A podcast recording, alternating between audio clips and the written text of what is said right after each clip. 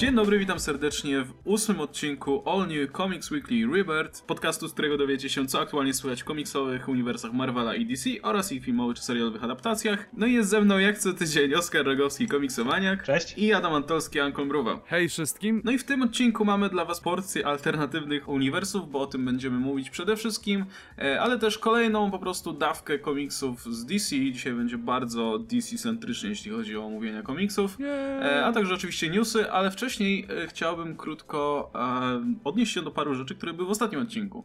Więc po pierwsze, tak jak miałem ten swój rant o Deadly Class, to za- zaraz potem e, jakby po prostu usłyszał mnie, odezwał się scenarzysta Rick Remender i powiedział w wywiadzie dla Comic Book Resources, że e, seria będzie kontynuowana i w ogóle ma plan rozpisany na kilkanaście dalszych numerów, że to w ogóle ma być jeszcze długo, długo kontynuowane. Po prostu przyjdą nowi ludzie do szkoły i będziemy mieli praktycznie wiele, w dużej części nową obsadę. Także fajnie.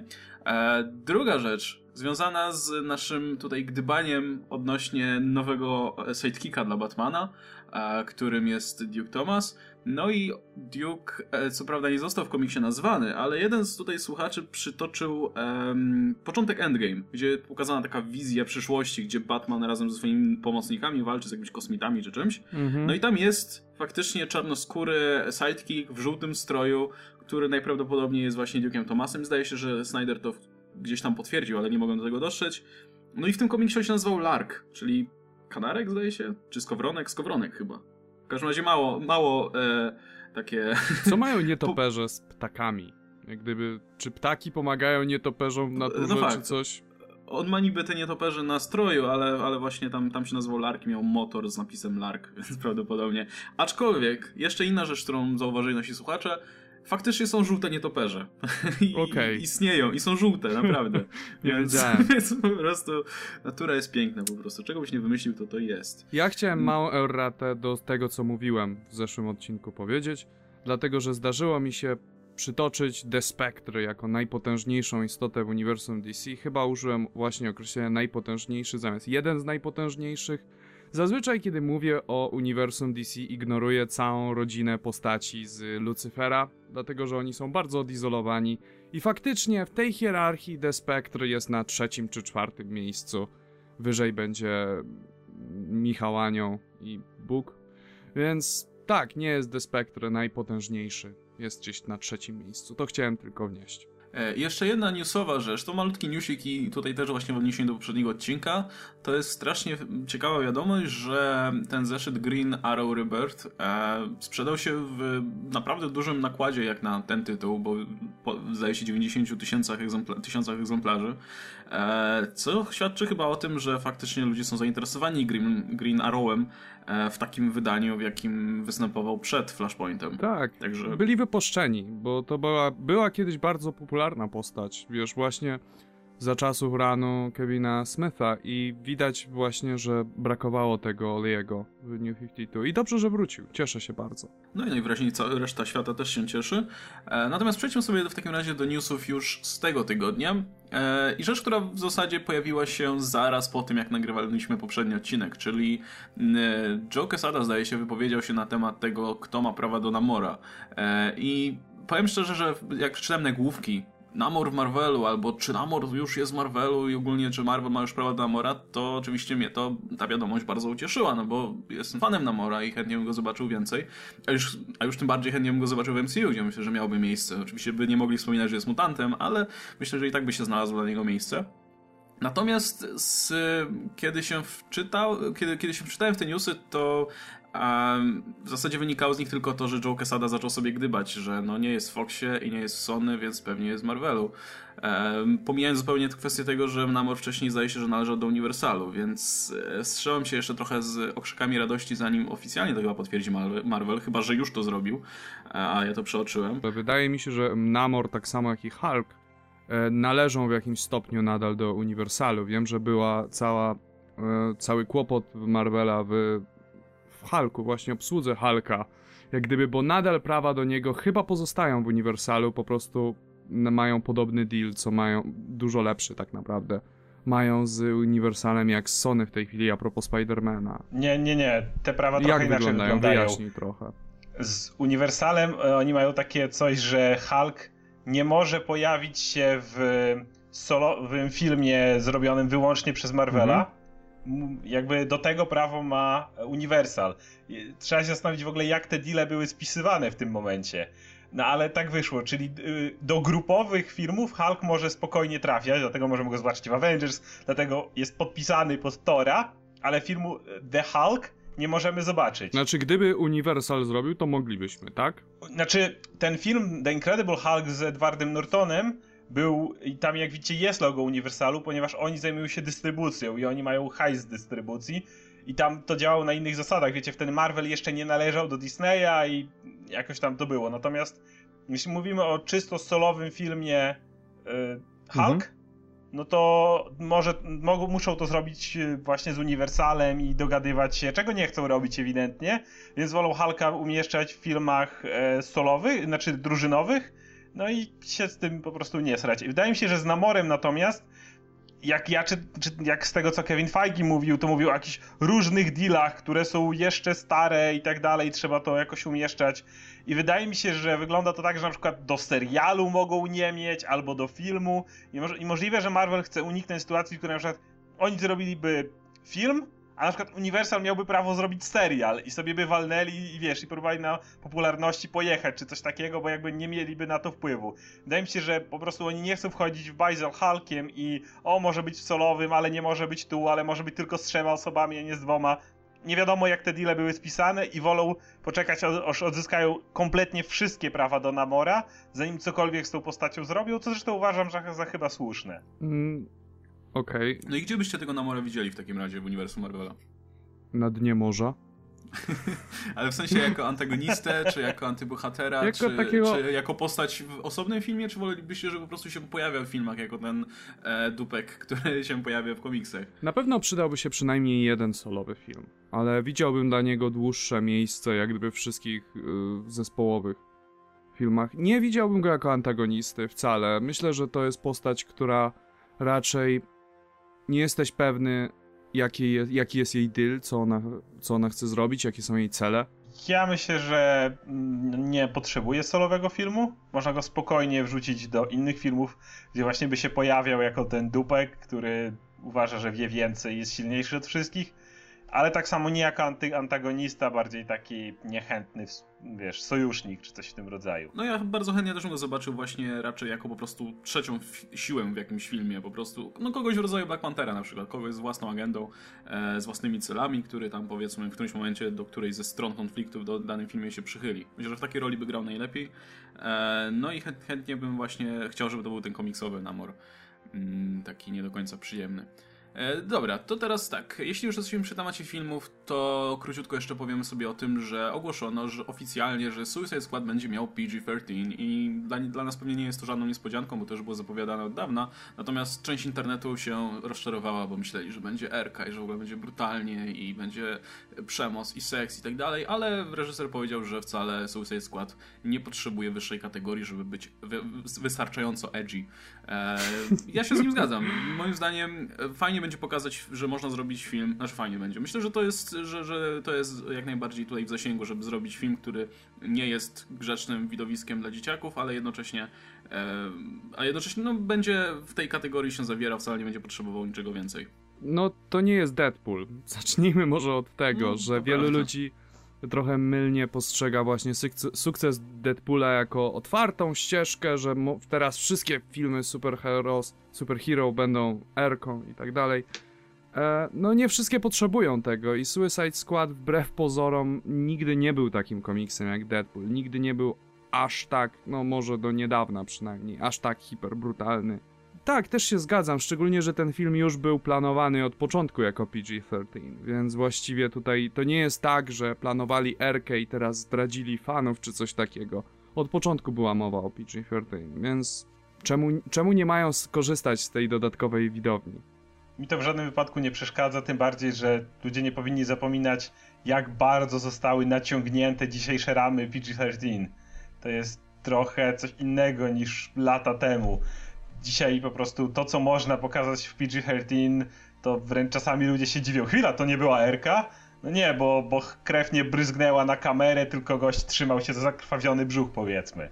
I Tak, była to- o tym to mowa. są- No przepraszam, tak, więc. Nie, jasne. I chodzi właśnie o to, że to jest tak naciągane nawet w PG-13, jest najlepsze, że można, jest zasada, która mi zawsze rozbawia, można w całym filmie rzucić jednego faka. Tak. To jest strasznie E, zabawne. albo to jedno jest shit. strasznie zabawne. Albo jedno shit i zdaje się w Batman v Superman było jedno shit. Tak, i w na przykład First Class e, Wolverine powiedział go fuck yourself. I to dalej było w PG-13, właśnie dlatego, że można rzucić jedno fuck i to dalej jest PG-13. To jest strasznie Właśnie śmieszne. była mowa a propos Erki y, Batman v Superman na Blu-ray, jeden z właśnie z producentów wypowiedział się na ten temat, dlaczego ten film będzie Erką w wersji rozszerzonej. No dlatego właśnie, że te podziały są trochę absurdalne i Erk po prostu, jeśli dodadzą jeszcze jedną scenę walki, to to już by była Erka. Tak to No tak, dziwnie tak. działa, To, to bo one jest... są strasznie, strasznie dziwne. Tam, jak poczyta się, co jest potrzebne, żeby była RK, a żeby nie była RK, to to są dosłownie jakieś drobne ujęcia, jakaś, jakiś zwrot kamery w innym momencie, który tu nie pokazał, jak krew bryzgnęła tu, tylko bryzgnęła tam. Nie było to widoczne tak bardzo. Można pokazać krew, można pokazać gościa, który leży w kałuży krwi. To jest dalej PG. Ale jak mu nie wiem, ta krew w momencie, kiedy ona eksploduje mu z brzucha, to już jest RK. To, to jest tak. No, A mówię, dla równocześnie nie mnie, możesz ja się nigdy pokazać... nie przejmuję tym.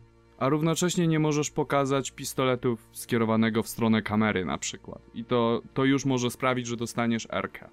Między innymi dlatego była taka scena z Mrocznego Rycerza, kiedy Joker celuje pistoletem w kamerę i musieli ją wyciąć, bo inaczej by była Erka. Tylko przez tą jedną scenę. No nic, może dostaniemy na Blu-rayu wydanie R, gdzie będzie celowanie w kamer- do kamery z pistoletu, albo dwa faki, albo wiecie, gwałt w więzieniu czy Po coś. prostu pamiętajmy wszyscy, że tak długo jak to nie jest film na poziomie Deadpoola, No, Kiedy naprawdę- Snyder nie reżyseruje, więc nie będzie gwałtu w więzieniu. tak. To tylko Batman dostanie. Ja mówię, że póki to nie jest film na poziomie Deadpoola, w którym naprawdę musisz pokazać, jak gość tam się, wiecie, regeneruje i ma nóż wsadzony w głowę i tak dalej, to ni- na, nigdy nie ma co przejmować się kategorią wiekową pomiędzy PG-13 a R, bo właśnie jak powiedzieliśmy, to są często takie malutkie detale. No, pewnie interesują głównie montażystów po prostu i i już. E, No i dobra, ostatni nasz news, który myślę, że bardziej interesuje was, więc y, oddaję wam zaraz głos, bo przy, no, zbliża się E3, wiadomo, więc coraz więcej newsów na temat gier wycieka. Między innymi ostatnio się dowiedzieliśmy jakichś tam malutkich rzeczy o Watch Dogs 2, ale też o innym sequelu, jakim jest Injustice 2. Więc ja tego, mm, tego teasera czy, czy trailera nie widziałem jeszcze, więc chętnie się dowiem w takim razie, co nim widać i, i jak się nam prezentuje. Znaczy, teaser właściwie nic konkretnego nie mówi. Widzimy, jak Batman się tłucze z Flashem, potem się tłucze z Supermanem, potem Supergirl się pojawia. Jej, wreszcie Supergirl. E, jeszcze kilka innych postaci się tak tłuką w mroku i jest przy tym cała długa narracja o tym, jak, jak to walka się, walka zmienia człowieka, sprawia, że dorasta, że staje się silniejszy i, i to właściwie tyle. Nie ma nic gameplayu, nic właściwego, żadnych wskazówek o czym będzie opowiadać fabuła, z wyjątkiem tego, że będzie coś w rodzaju, nie wiem, I Fight że Clubu czy czegoś. pojawi. że No i tego, że Supergirl. Się pojawia, to nie jest fabuła, to jest po prostu nowa postać w bijatyce. Tak, tak. E, I jest kilka rzeczy, kilka detali, które mnie zainteresowały, między innymi e, jak gdyby Batman ma taką zieloną poświatę na swoich rękawicach, co wskazuje mi na jakiś wpływ zielonych latarni. Być może to będzie coś w rodzaju tej zbroi z Batman Rises, Hellbat ona się nazywała, zdaje się, Hellbat Armor Mhm. i e, która była zasilana baterią zieloną, e, albo będzie to coś w rodzaju rękawicy Krona, który był, który właśnie był taki, była, rękawica Krony to był taki prototyp zielonego pierścienia, która tylko, że była w formie rękawicy. Tylko, że widzie, nie widzieliśmy jakby właściwie tego używał, jak broni zielonych latarni, po prostu mu się świeciło na zielono, więc może, może się mylę. Może to po prostu wybór taki stylistyczny. E, Jest, podoba, podoba mi się też wybór stron, dlatego że widzimy w tym, widzimy w tym zwiastunie, jak Supergirl atakuje Supermana w obronie Batmana. To mi się wydawało bardzo ciekawe. E, Nie wiem, czy to będzie kontynuacja, to na pewno nie będzie prequel. Czy to będzie jeszcze, jed, jeszcze jedna alternatywna ziemia? Mam nadzieję, że to, to ostatnie. Z tego co ja słyszałem, to to będzie kontynuacja. Tylko Okej. nie do końca wiem, jak ją mogliby napisać, ale słyszałem, że ma być to kontynuacja. Oczywiście wiadomo, jak to bywa. Nikt nie, nie powiedział tego na pewno. Nie przykładałbym absolutnie żadnej wagi do czegokolwiek, co widziałeś w tym teaserze, poza efektami i jakimiś takimi bajerkami, w sensie kto z kim walczy. Bo zwróć uwagę, że Superman walczy z Batmanem, a potem. Nie, przepraszam, z Flashem, a potem Batman tłucze tego samego Flasha. A potem to wygląda jakby. A potem to wygląda jakby by było, wiesz, free for all i wszyscy skakali na siebie. To raczej była taka pokazówka, po prostu patrzcie, bohaterowie się leją, niż jakakolwiek, wiesz, hint do fabuły. Natomiast ja zauważyłem co innego, co jest ciekawe. Wszystkim pojawiły się zbroje i raczej to będzie e, jako, jakimś elementem zarówno gameplayu, jak i, jak i być może fabularnym właśnie. Tak, to prawda. Każ, każdemu, czy Batmanowi, czy Flashowi, czy nawet dla Supergirl, czy Supermanowi pojawiła się jakiegoś rodzaju zbroja, jakiś armor się na nich tak nałożył w pewnym momencie. Więc zastanawiam się, czy to nie będzie w tą stronę jakoś, coś, coś z tym będzie ważnego. Wszyscy, nie wiem, Armor Wars czy coś takiego. Natomiast y, teaser był po prostu efekciarski i tyle. Tutaj nie można się jarać fabułą, bo jej nie było, nie można się jarać gameplayem, bo go nie było. To była po prostu efekciarska, nawalana bohaterów. A czy jaracie Fajnie. się samą perspektywą gry nowej z Injustice? Tak, ja się bardzo jaram, dlatego że bardzo lubię to uniwersum. Bardzo lubię grę, bardzo lubię komiks, który powstał na, pod, na jej podstawie i chciałbym mieć więcej. Dla komiks się już kończy. Będziemy mieć już niedługo ostatnie numery i będzie miło jak gdyby wrócić do tego świata w tej wersji growej. I jeśli to będzie kontynuacja, to nawet bardziej się tym jaram, dlatego że jak gdyby to uniwersum wybuchło w czasie Convergence i myślałem, że już nic nie będzie, a tutaj jednak okazuje się, że się myliłem i dzięki Bogu, bo naprawdę lubię to uniwersum. Ja się jaram, jeśli chodzi o uniwersum, bo też właśnie komiks mnie bardzo ściągnął i no, zobaczymy jak pójdzie gra, czy ona właśnie doda coś dalej, przez co na przykład komiks będzie mógł iść dalej, czy może... Nie wiem, czy jest sens robić alternatywną, jeszcze inną ziemię i pisać Injustice coś tam w innym świecie i pisać to od nowa, tylko w inny sposób.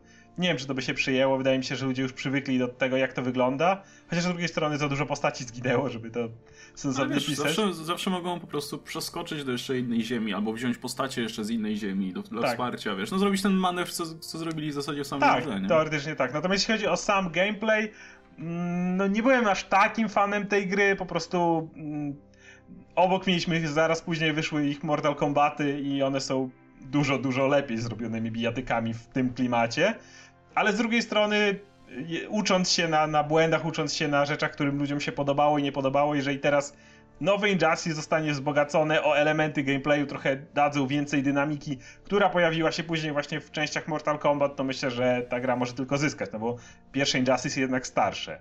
Także na pewno sprawdzę.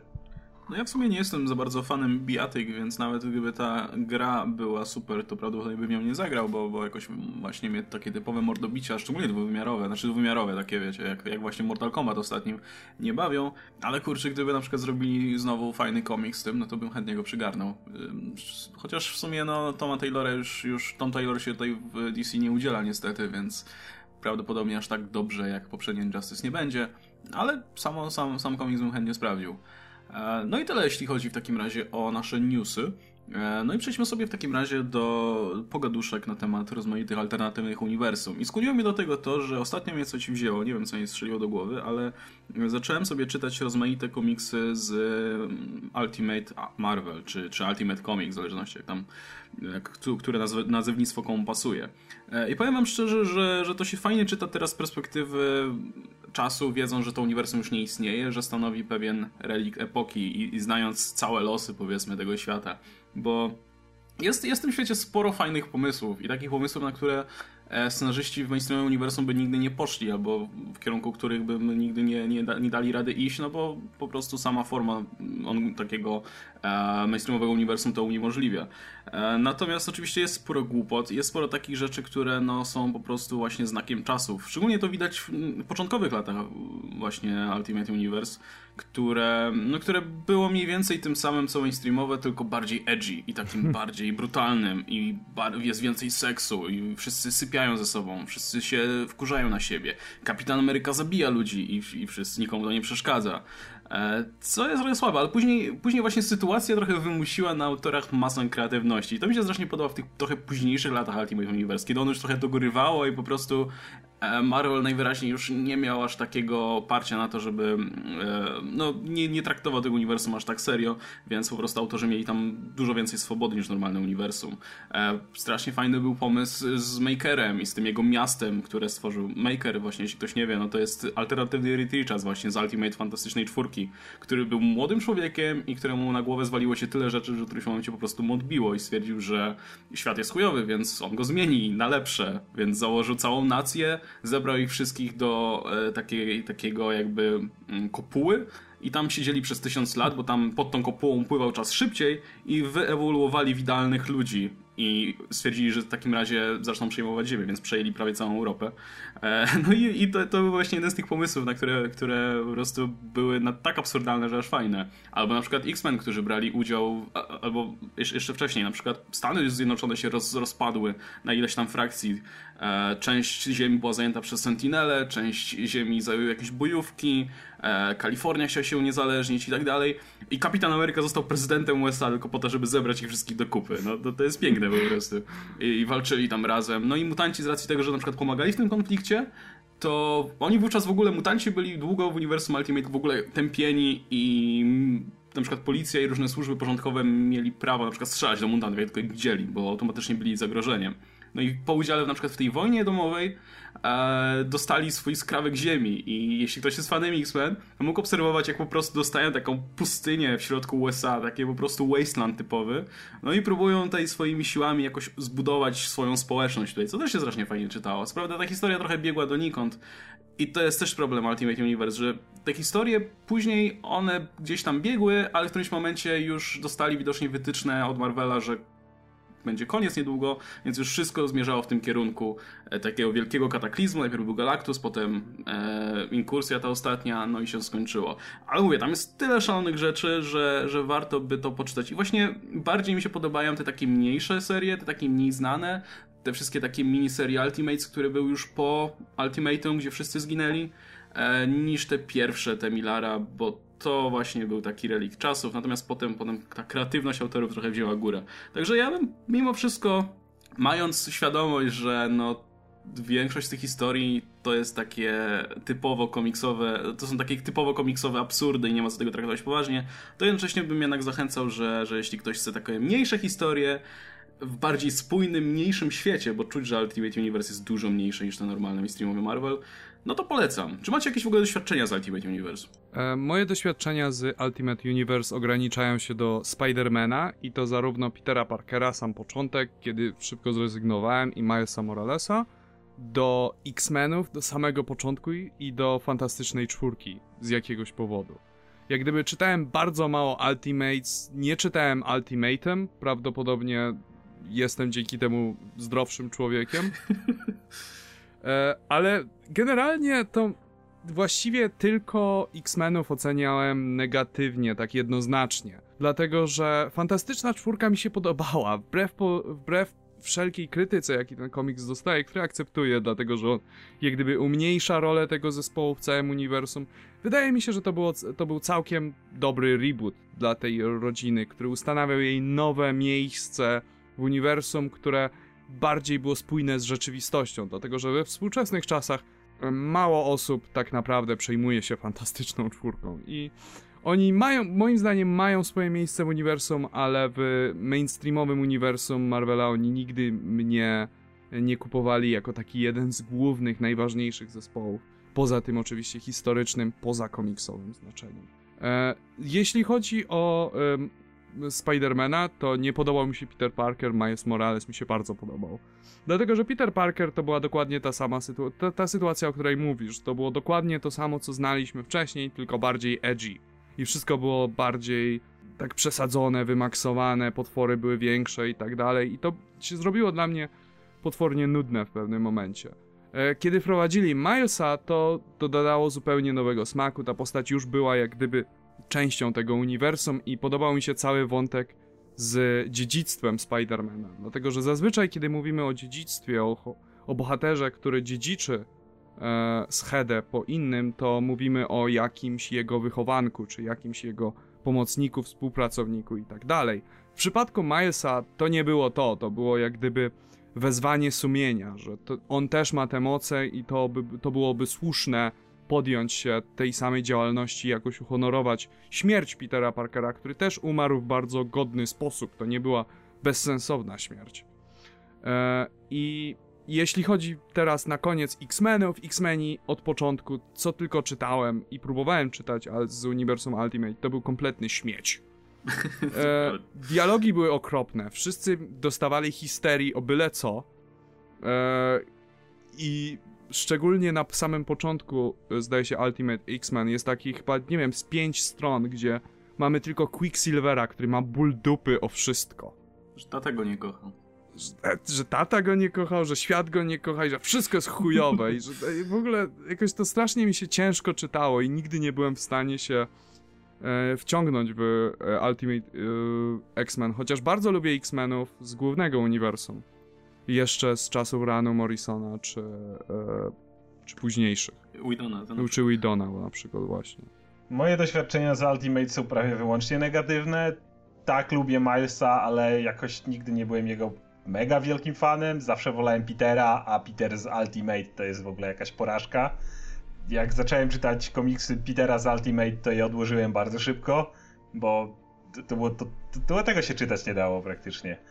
Milesa się dało na szczęście i w sumie fajnie, że ta postać została przeniesiona, ale nie licząc tego, Avengers było tak beznadziejne po prostu, to było... Znaczy ja... Ultimate, to? Ta, Ultimate, przepraszam, bo to była ta wersja, tak. Ja miałem w ogóle wrażenie, że w pewnym momencie w ogóle Ultimate było skierowane na początku do młodszego widza, co jest najzabawniejsze.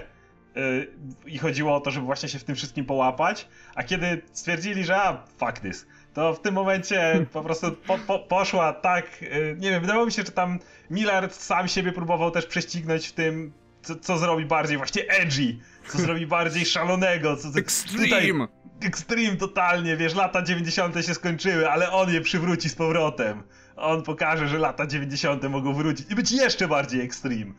I po prostu to jest takie, nie wiem, jak na przykład czytałem Marvel Zombies, to miałem gdzieś w głowie takie, tą świadomość, że to jest wszystko z takim mocnym przymrużeniem oka i że to wszystko jest w tym takim realiach świata Marvel Zombies. Ultimate to było robienie czegoś takiego, ale teoretycznie w normalnym świecie Marvela i to było generalnie już czasami zbyt creepy, zbyt takie popierdzielone. Właśnie... Bar... No, no, no. A propos Chciałem Marvel Zombies powiem jeszcze coś. E, chciałem powiedzieć, że cieszę się, że zaorali ten świat, zabrali z niego to co najlepsze, czyli Milesa, a reszta może pójść się spalić i mam to gdzieś, szczerze mówiąc. To nigdy nie czytałem tego dużo i nigdy nie czytałem tego z przyjemnością, więc good riddance, jak to się mówi. Ja chciałem coś powiedzieć a propos Marvel Zombies, bo Marvel Zombies się właśnie pierwszy raz pojawili w tej Ultimate tak, Fantastycznej tak. czwórce gdzie mieliśmy długi moment, kiedy Reed Richards e, z uniwersum Ultimate e, kontaktował się z Reedem Richardsem i wtedy nam jak gdyby dawano do zrozumienia, że to jest Reed Richards z tego głównego uniwersum Marvela, 616. Tak, i to jest w ogóle o tyle ciekawe, że było powiedziane dosyć wcześnie na samym starcie tego uniwersum, że to uniwersum nie będzie w ogóle mieć żadnych crossover z głównym uniwersum, czego ludzie zaczęli oczekiwać po jakimś czasie, ale oni mówili, że nie, nie będzie żadnych crossoverów, i szczerze mówiąc się trzymali do tego prawie do samego końca. I właśnie wtedy ten um, pojawienie się Rida Richardsa właśnie anonsowano jako crossover. Chyba ta storyline się w ogóle nazywał mm -hmm. crossover chyba po prostu. I wszyscy byli wow, że to będzie Reed Richards i spotkają się we dwóch po raz pierwszy w ogóle postacie z Ultimate i z mainstreamowego uniwersum. No ale wyszło jak wyszło, okazało się, że to tylko zmyła. Fantastyczna zmyła swoją drogą. To świetny zwrot fabularny. Dlatego, że właśnie ten, kiedy pierwszy raz czytasz e, Marvel Zombies, w Ultimate Fantastycznej czwórce, to spróbuj się postawić w pozycji czytelnika, który jeszcze nic nie wie o tym uniwersum, jeszcze nic nie wie i od razu jest przeniesiony do, na głęboką wodę do tego postapokaliptycznego horroru, gdzie wszyscy są zombie. To no. jest naprawdę fantastyczny y, zwrot, szczególnie, że ta fantastyczna czwórka z y, Zombie Universe przeniosła się do uniwersum Ultimate, przez jakiś czas tam siedzieli. E, I to było jakby cała drama, jak ich tutaj utrzymać w miejscu, ja, co, co zrobić, jeśli uciekną, w końcu uciekli i tak dalej. I ja bardzo lubię Ultimate Fantastyczna Czwórkę. Myślę, że to jest bardzo niedoceniony komiks. Jeśli ktoś, e, jeśli ktoś chce polubić ten zespół, a nie jest przekonany i próbował się przekonać e, komiksami z głównego uniwersum i mu nie wychodziło, to myślę, że to wersja z Ultimate jest tym dokładnie, czym uniwersum Ultimate chciało być pierwotnie, czyli takim świeżym, nowym podejściem, bez bagażu doświadczeń poprzednich e, inkarnacji tego zespołu czy tych postaci, e, które jak gdyby jest w stanie zachęcić nowych czytelników. Tutaj jeszcze warto wspomnieć przy Fantastycznej Czwórce, mówimy o tym, że Miles został przeniesiony, e, natomiast nie wolno zapomnieć, że Maker również funkcjonuje teraz w świecie 616 i jest takim trochę karykaturalnym vilanem, który ma swój, oni się nazywają e, Swarm, czy Hive, czy coś tam, to wiecie, pisane tak jak shield z kropkami i generalnie nikt nie wie co to znaczy i to nie ma znaczenia, to jest złe. I generalnie Maker jest takim gościem, który właśnie cały czas ma swoje wielkie plany i cały czas mówi, jak on to wszystko kontroluje, ale trochę to zaczyna brzmieć, jakby chciano go pisać jak takiego trochę Zimo właśnie. Ostatnio był taki tekst o tym, że on ma wszędzie swoje takie mikrokamerki, nanokamerki, które wszystko obserwują, po czym szybko dodaje, ale nie w kiblach.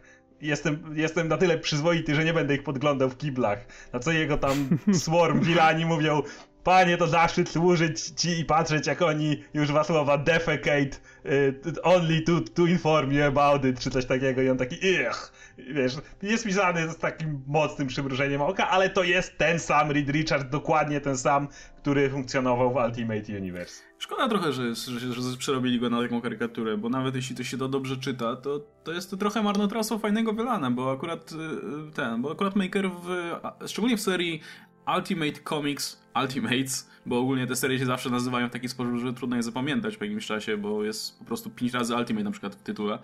E, ale ta seria, która, która jest pisana najpierw przez Hickmana, a potem przez innych autorów, nie pamiętam już niestety nazwisk, e, no, naprawdę ustanawia go jako bardzo fajnego wylana. Jednego z tych, którzy nie są źli, znaczy nie widzą siebie jako złych. On, on nie jest zły, bo jest zły, tylko on uważa po prostu, że wie lepiej, jak, jak doprowadzić ludzkość do rozwoju i w ogóle e, on chce dobrze po prostu dla ludzkości, dla jego rozwoju, dla jej rozwoju i tak dalej.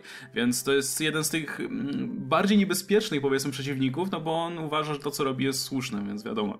Na przy okazji to też jest ciekawa postać jako taka, no mówię, on ma tysiącletnią wiedzę w głowie i jednocześnie jest też, ma, ma też trochę inne, inne moce niż właśnie Reed z głównego uniwersum, bo on na przykład tutaj w ogóle nie ma jakby układu, e, nie ma w ogóle żadnych narządów wewnętrznych, ani nic takiego, jest po prostu taką jednym blobem, taką wielką masą, nie musi spać, jeść, nic, w zasadzie jest po prostu, żyje z jakiegoś powodu. Właściwie teraz warto dodać, że nie jest masą, ale jest... Ym jak to powiedzieć, slices, tak? Po tym, co zrobił mu e, jak się nazywa, Molecule Man. Więc, A, teraz, tak, okay. więc teraz on jest chodzącymi kromkami, które są ze sobą połączone. No fakt, to mamy, mamy zmianę w kanonie w takim razie. Ale nie, ale sam, sam jeśli właśnie ktoś by chciał się dowiedzieć skąd się wziął w ogóle Maker, no to właśnie radziłbym zacząć właśnie zupełnie od tej Ultimate Fantastycznej czwórki e, i poznać go jeszcze jako Rida Richardsa.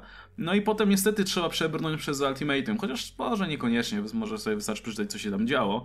E, ale potem mamy coś takiego jak Requiem, E, i to sobie warto przeczytać. I była taka trylogia śmieszna, która się nazywała, a niech no sobie przypomnę. Mm, to było coś takiego, o, był, był, był Ultimate Enemy, Ultimate Mystery i Ultimate Doom. I to były takie trzy króciutkie miniserie, gdzie właśnie okazało się, kim jest Maker, że jest to Reed Richards. No i a sami Ultimates się o tym dowiedzieli, czy w ogóle społeczność tej bohaterów Ultimate w Ultimate Comics Ultimates. No i tak jak wspominaliście, ja, ja generalnie podzielam te poglądy, że te pierwsze powiedzmy takie mm, lata Ultimate Universe były raczej właśnie nieciekawe. Znaczy one na, może faktycznie były ciekawe dla ówczesnych czytelników, no bo nie było tego bagażu i tak dalej. No ale z czasem ten bagaż się zrobił, siłą rzeczy. E, a dzisiaj z perspektywy czasu się faktycznie czyta to jak takie właśnie ramotki trochę po prostu efekt tego, co było popularne w, na początku lat 2000. Natomiast właśnie ciekawe rzeczy się dopiero robią później. I tak jak można krytykować Ultimatum, który było takim właśnie eventem, który praktycznie wybił tam całą społeczność superbohaterów. E, I to była okropna lektura oczywiście ale to jednocześnie sprawiło, że to uniwersum zaczęło się robić ciekawe, no bo jak sięgasz po takie Ultimate Comics Ultimates, czy w ogóle jakikolwiek komiks dziejący się później, czy po tego Milesa chociażby, no to dostajesz uniwersum, które ma jakąś tam swoją historię, co jest fajne, ale z drugiej strony siłą rzeczy wygląda zupełnie inaczej, no bo musi wyglądać inaczej, bo część osób nie żyje. No właśnie to jest jeszcze fajne w e, Ultimate Universe, że jak ktoś tam zginie, to zazwyczaj ginie na amen. Oczywiście były wyjątki, na przykład Peter Parker, który z dupy wrócił na dwa zeszyty i tyle, ale większość, os- większość y, bohaterów faktycznie zginęła i, i już nigdy nie wstała. E, no Thor wracał tam regularnie, ale tam to było bardziej skomplikowane, ale przy takich normalnych śmierciach nikt nie wracał, to też było fajne. Więc na przykład e, w schyłkowym okresie najważniejszym mutantem była Kitty Pryde i ona była w ogóle liderką mutantów. E, Ulti- skład Ultimate też się zmieniał co jakiś czas. Pojawili się w ogóle Avengers, którzy byli zupełnie inną drużyną, z Punisherem w składzie i tak dalej. Także no mówię, to, to jest taki fajny, fajna rzecz do przeczytania, jeśli ktoś chce coś właśnie alternatywnego, gdzie też to nie jest po prostu wymysł scenarzysty od tak, że sobie stworzył jakiś świat, tylko że ten świat ewoluował i, i dotarł do, do powiedzmy tego momentu. Także jeszcze tak na sam koniec, jeśli chodzi o Ultimate e, Universe, jeśli miałbym coś polecić, to nie polecałbym brać się właśnie za te pierwsze rzeczy. Adam oczywiście polecał tutaj Ultimate Fantastic Four. Ja może nie jestem jakimś wielkim fanem, ale, ale może i faktycznie to jest najciekawsza pozycja z tych pierwszych. Ja bym radził sięgnąć właśnie za te późniejsze rzeczy i zaakceptować to, że to uniwersum po prostu wygląda inaczej. Właśnie ta, te, ten cały relaunch był strasznie fajny, który się nazywał właśnie Ultimate Comics i potem szedł tytuł Ultimate Comics Spider-Man z Milesem, Ultimate Comics Ultimates. To było, to, to były moim zdaniem najfajniejsze pozycje. Natomiast jeśli chcecie czytać coś kompletnie dziwnego, absurdalnego i głupiego, to polecam czytać wszystko, co, co dla Ultimate pisał Jeb Lobb. Bo on na przykład stworzył taką serię, to jest kolejny idiotyczny tytuł, Ultimate New Ultimates. E, I to pisał właśnie Jeff Lobb, ilustrował to Frank Cho. I to jest komiks, gdzie który powstał prawdopodobnie tylko po to, żeby Frank Cho mógł rysować te swoje e, superbohaterki z tymi dużymi biustami i tyłkami i w ogóle. To jest po prostu orgia dla tego e, rysownika. Poza tym się nic normalnego tutaj nie dzieje. E, na przykład Thor ma tutaj dziecko z Helą, która. Bo ogólnie Thor zginął w Ultimatum, więc on sobie tutaj siedzi w, w Hell. Znaczy w tym piekle oczywiście. No i przychodzi Hela i mówi zrób mi dziecko i się zaczyna rozbierać. I Thor ma taką minę jakby był cholernie zaskoczony, ale potem mówi, że spoko. No i, i już. I to tak i oczywiście konkluzja do tego się pojawia gdzieś tam dopiero dużo, dużo później. E, natomiast no jest masa takich rzeczy. Na przykład Carol Danvers, która w tym uniwersum jest, nie jest superbohaterką, tylko jest przywódczynią S.H.I.E.L.D. przez jakiś czas i ogólnie taką wysoko postawioną agentką. Tutaj sobie sypia z Tonym Starkiem z jakiegoś powodu, od tak sobie, e, żeby był twist na sam koniec komiksu, ale nic wielkiego w sumie z tego nie wynika. I tak dalej w zasadzie. To taki, taki, taki, jeśli ktoś lubi czytać komiksy, które są po prostu złe, tak złe, że aż dobre, no to, to mówię, twórczość Jeffa Leba z Ultimate zdecydowanie mógłbym polecić. No mówię, no z takich dobrych rzeczy to właśnie to, to co jest w Ultimate Comics Ultimate. Szczególnie właśnie Ultimate Comics Ultimates jest moim zdaniem chyba najlepszą rzeczą, jaka wyszła. Szczególnie te początkowe zeszyty Hickmana. Szczególnie, jeśli tam, szczególnie, że tam rysuje je Esa więc jest taki strasznie fajny klimat tych zeszytów e, ro- rodem z Secret Wars powiedzmy. Dobra, tyle jeśli chodzi o mój rant na temat e, Ultimate Comics. Myślę, że coś tam jeszcze o tym napiszę albo opublikuję, bo mówię, zgłębiam po prostu to uniwersum z coraz większą fascynacją. Natomiast chciałem od tego momentu, od tego wyjść do generalnie tematu światów alternatywnych w komiksach, bo generalnie alter- komiksy, które w jakiś sposób zajmują się alternatywnymi uniwersami dla, dla czy w Marvelu, czy w DC, są dosyć atrakcyjne dla nowych czytelników, no bo wiadomo, tworzą jakieś uniwersum, do którego można sobie po prostu wejść i, i nie martwić się jakimś wielkim bagażem i tak dalej, a jednocześnie sp- spojrzeć na postać, którą i tak już znają z filmów, z kreskówek, z czegokolwiek, mają jakieś ogólne pojęcie, spojrzeć na nią z innej strony. Więc yy, chciałem się dowiedzieć w takim razie, co uważacie generalnie o światach alternatywnych. Czy, wolicie, czy, czy lubicie generalnie takie historie, czy preferujecie te normalne, takie osadzone bardziej w continuity, czy są generalnie dla was wartościowe? A jeśli tak, no to jakie? Uwielbiam alternatywne światy. Uważam, że w ogóle jedne z najlepszych historii w komiksach superbohaterskich wywodzą się z alternatywnych światów i albo zaczynały jako alternatywny świat, a potem zostały wklejone do kanonu na siłę, na przykład tak jak Killing Joke. E, I tak, uważam, że to jest fantastyczny powód. Generalnie światy alternatywne mają dwa cele. Jedno z nich to jest wolność artystyczna dla twórców, a drugi to jest retcon. I zacznę od końca, czyli od drugiego powodu. Czyli retcon to jest wtedy, kiedy po prostu jakaś historia nie wyszła, jest chujowa, nikomu się nie podoba i trzeba się jakoś jej pozbyć, albo jakoś wyjaśnić, co się stało, chociaż jest ewidentna, gigantyczna dziura fabularna. I tak generalnie w ogóle koncept multiversum w, tych, w obydwu wydawnictwach powstał jako próba wyjaśnienia dziur fabularnych. I na przykład jak e, Son of the Demon e, z Batmanem. Historia kompletnie została źle przyjęta. Fani nienawidzili nowego status quo, więc po prostu DC wsadziło to, a nie, to była alternatywna ziemia. A później, tam 30 lat później, Morrison powiedział, nie, jednak nie. a y, jedne z moich ulubionych to y, prawdopodobnie tutaj jak gdyby zdradzę, dlatego że moim ulubionym alternatywną ziemią, moją ulubioną, moją ulub, ulubioną alternatywną ziemią jest Zombieverse z Marvela. Mam obsesję na punkcie tego, kompletnie niezdrową i nie potrafię tego wyjaśnić, dlaczego uwielbiam to uniwersum tak bardzo. Ale y, przeczytałem jak gdyby wszystko, co było dostępne, y, nawet te gorsze rzeczy i nie wiem, jakoś sam koncept tych super, y, sam koncept tego uniwersum mi się strasznie podobał jako że jeżeli pomyślisz sobie zazwyczaj o zombie w popkulturze, to są istoty słabe, są, są bardzo no wolne, głupie, głupie i tak dalej. Zombieverse kompletnie to odrzuca. Zombie są zwierzęce, ale inteligentne i e, są potwornie silne, bo wszyscy to są superbohaterowie. Superbohaterowie mają większą szansę przeżycia jako zombie, no bo mają te super siły, są super inteligentni i tak dalej, więc po prostu zjedzą wszystkie słabe istoty, nie zostawiając niczego, z czego by mogło zostać zombie. E, I strasznie ten koncept mi się podobał i bardzo mi się podobały relacje superbohaterów, nie tylko ze sobą nawzajem, ale i ze swoją przeszłością. Jak sobie radzili z tym i jak potrafili sobie jak gdyby racjonalizować to, że są w tej chwili jedzącymi mięso potworami, a wcześniej, wiesz, walczyli o dobro ludzkości i o dobro twojego sąsiedztwa i tak dalej. I dlatego to jest to jest prawdopodobnie moja ulubiona taka alternatywna wersja Ziemi. E, nie wyobrażałbym sobie, żeby to była główna Ziemia czy coś w tym stylu, ale jako alternatywa to jest coś, coś pięknego. E, drugi, na drugim miejscu prawdopodobnie byłoby Injustice. Nie będę już mówić o Injustice więcej, bo zrobiliśmy kiedyś cały odcinek prawie o tym. I e, właściwie tyle. Sięgnijcie tam, żeby dowiedzieć się moich opinii i waszych też, bo wiem, że wy też lubicie bardzo Injustice. E, lubię też i chciałbym polecić coś mniej znanego, coś czego nie wszyscy, coś co nie wszyscy znają i poleciłbym bardzo małą i krótką historyjkę z JLA Justice Riders. I to jest western z superbohaterami DC. Jest, e, jest tam, e, tylko że to nie jest ta Liga Sprawiedliwości klasyczna, to jest Liga Sprawiedliwości z lat 90., więc nie ma Batmana, nie ma Supermana, ale jest na przykład e, Booster Gold i Blue Beetle i tego typu i Guy Gardner. Guy Gardner gra bardzo dużą rolę jako samotny rewolwerowiec. I to jest bardzo dobra historia, która bardzo fajnie przedstawia charaktery tej tych postaci bez przedstawiania ich mocy właściwie. Z mojej strony nie jestem fanem jakimś wielkim tych alternatywnych ziem, alternatywnych rzeczywistości. To znaczy zdarza się czasem jakaś fajna historia, ale ja jestem ogólnie fanem continuity, tego długiego, ca całego tego bagażu właśnie historii Marvela, na przykład, którą mają za sobą.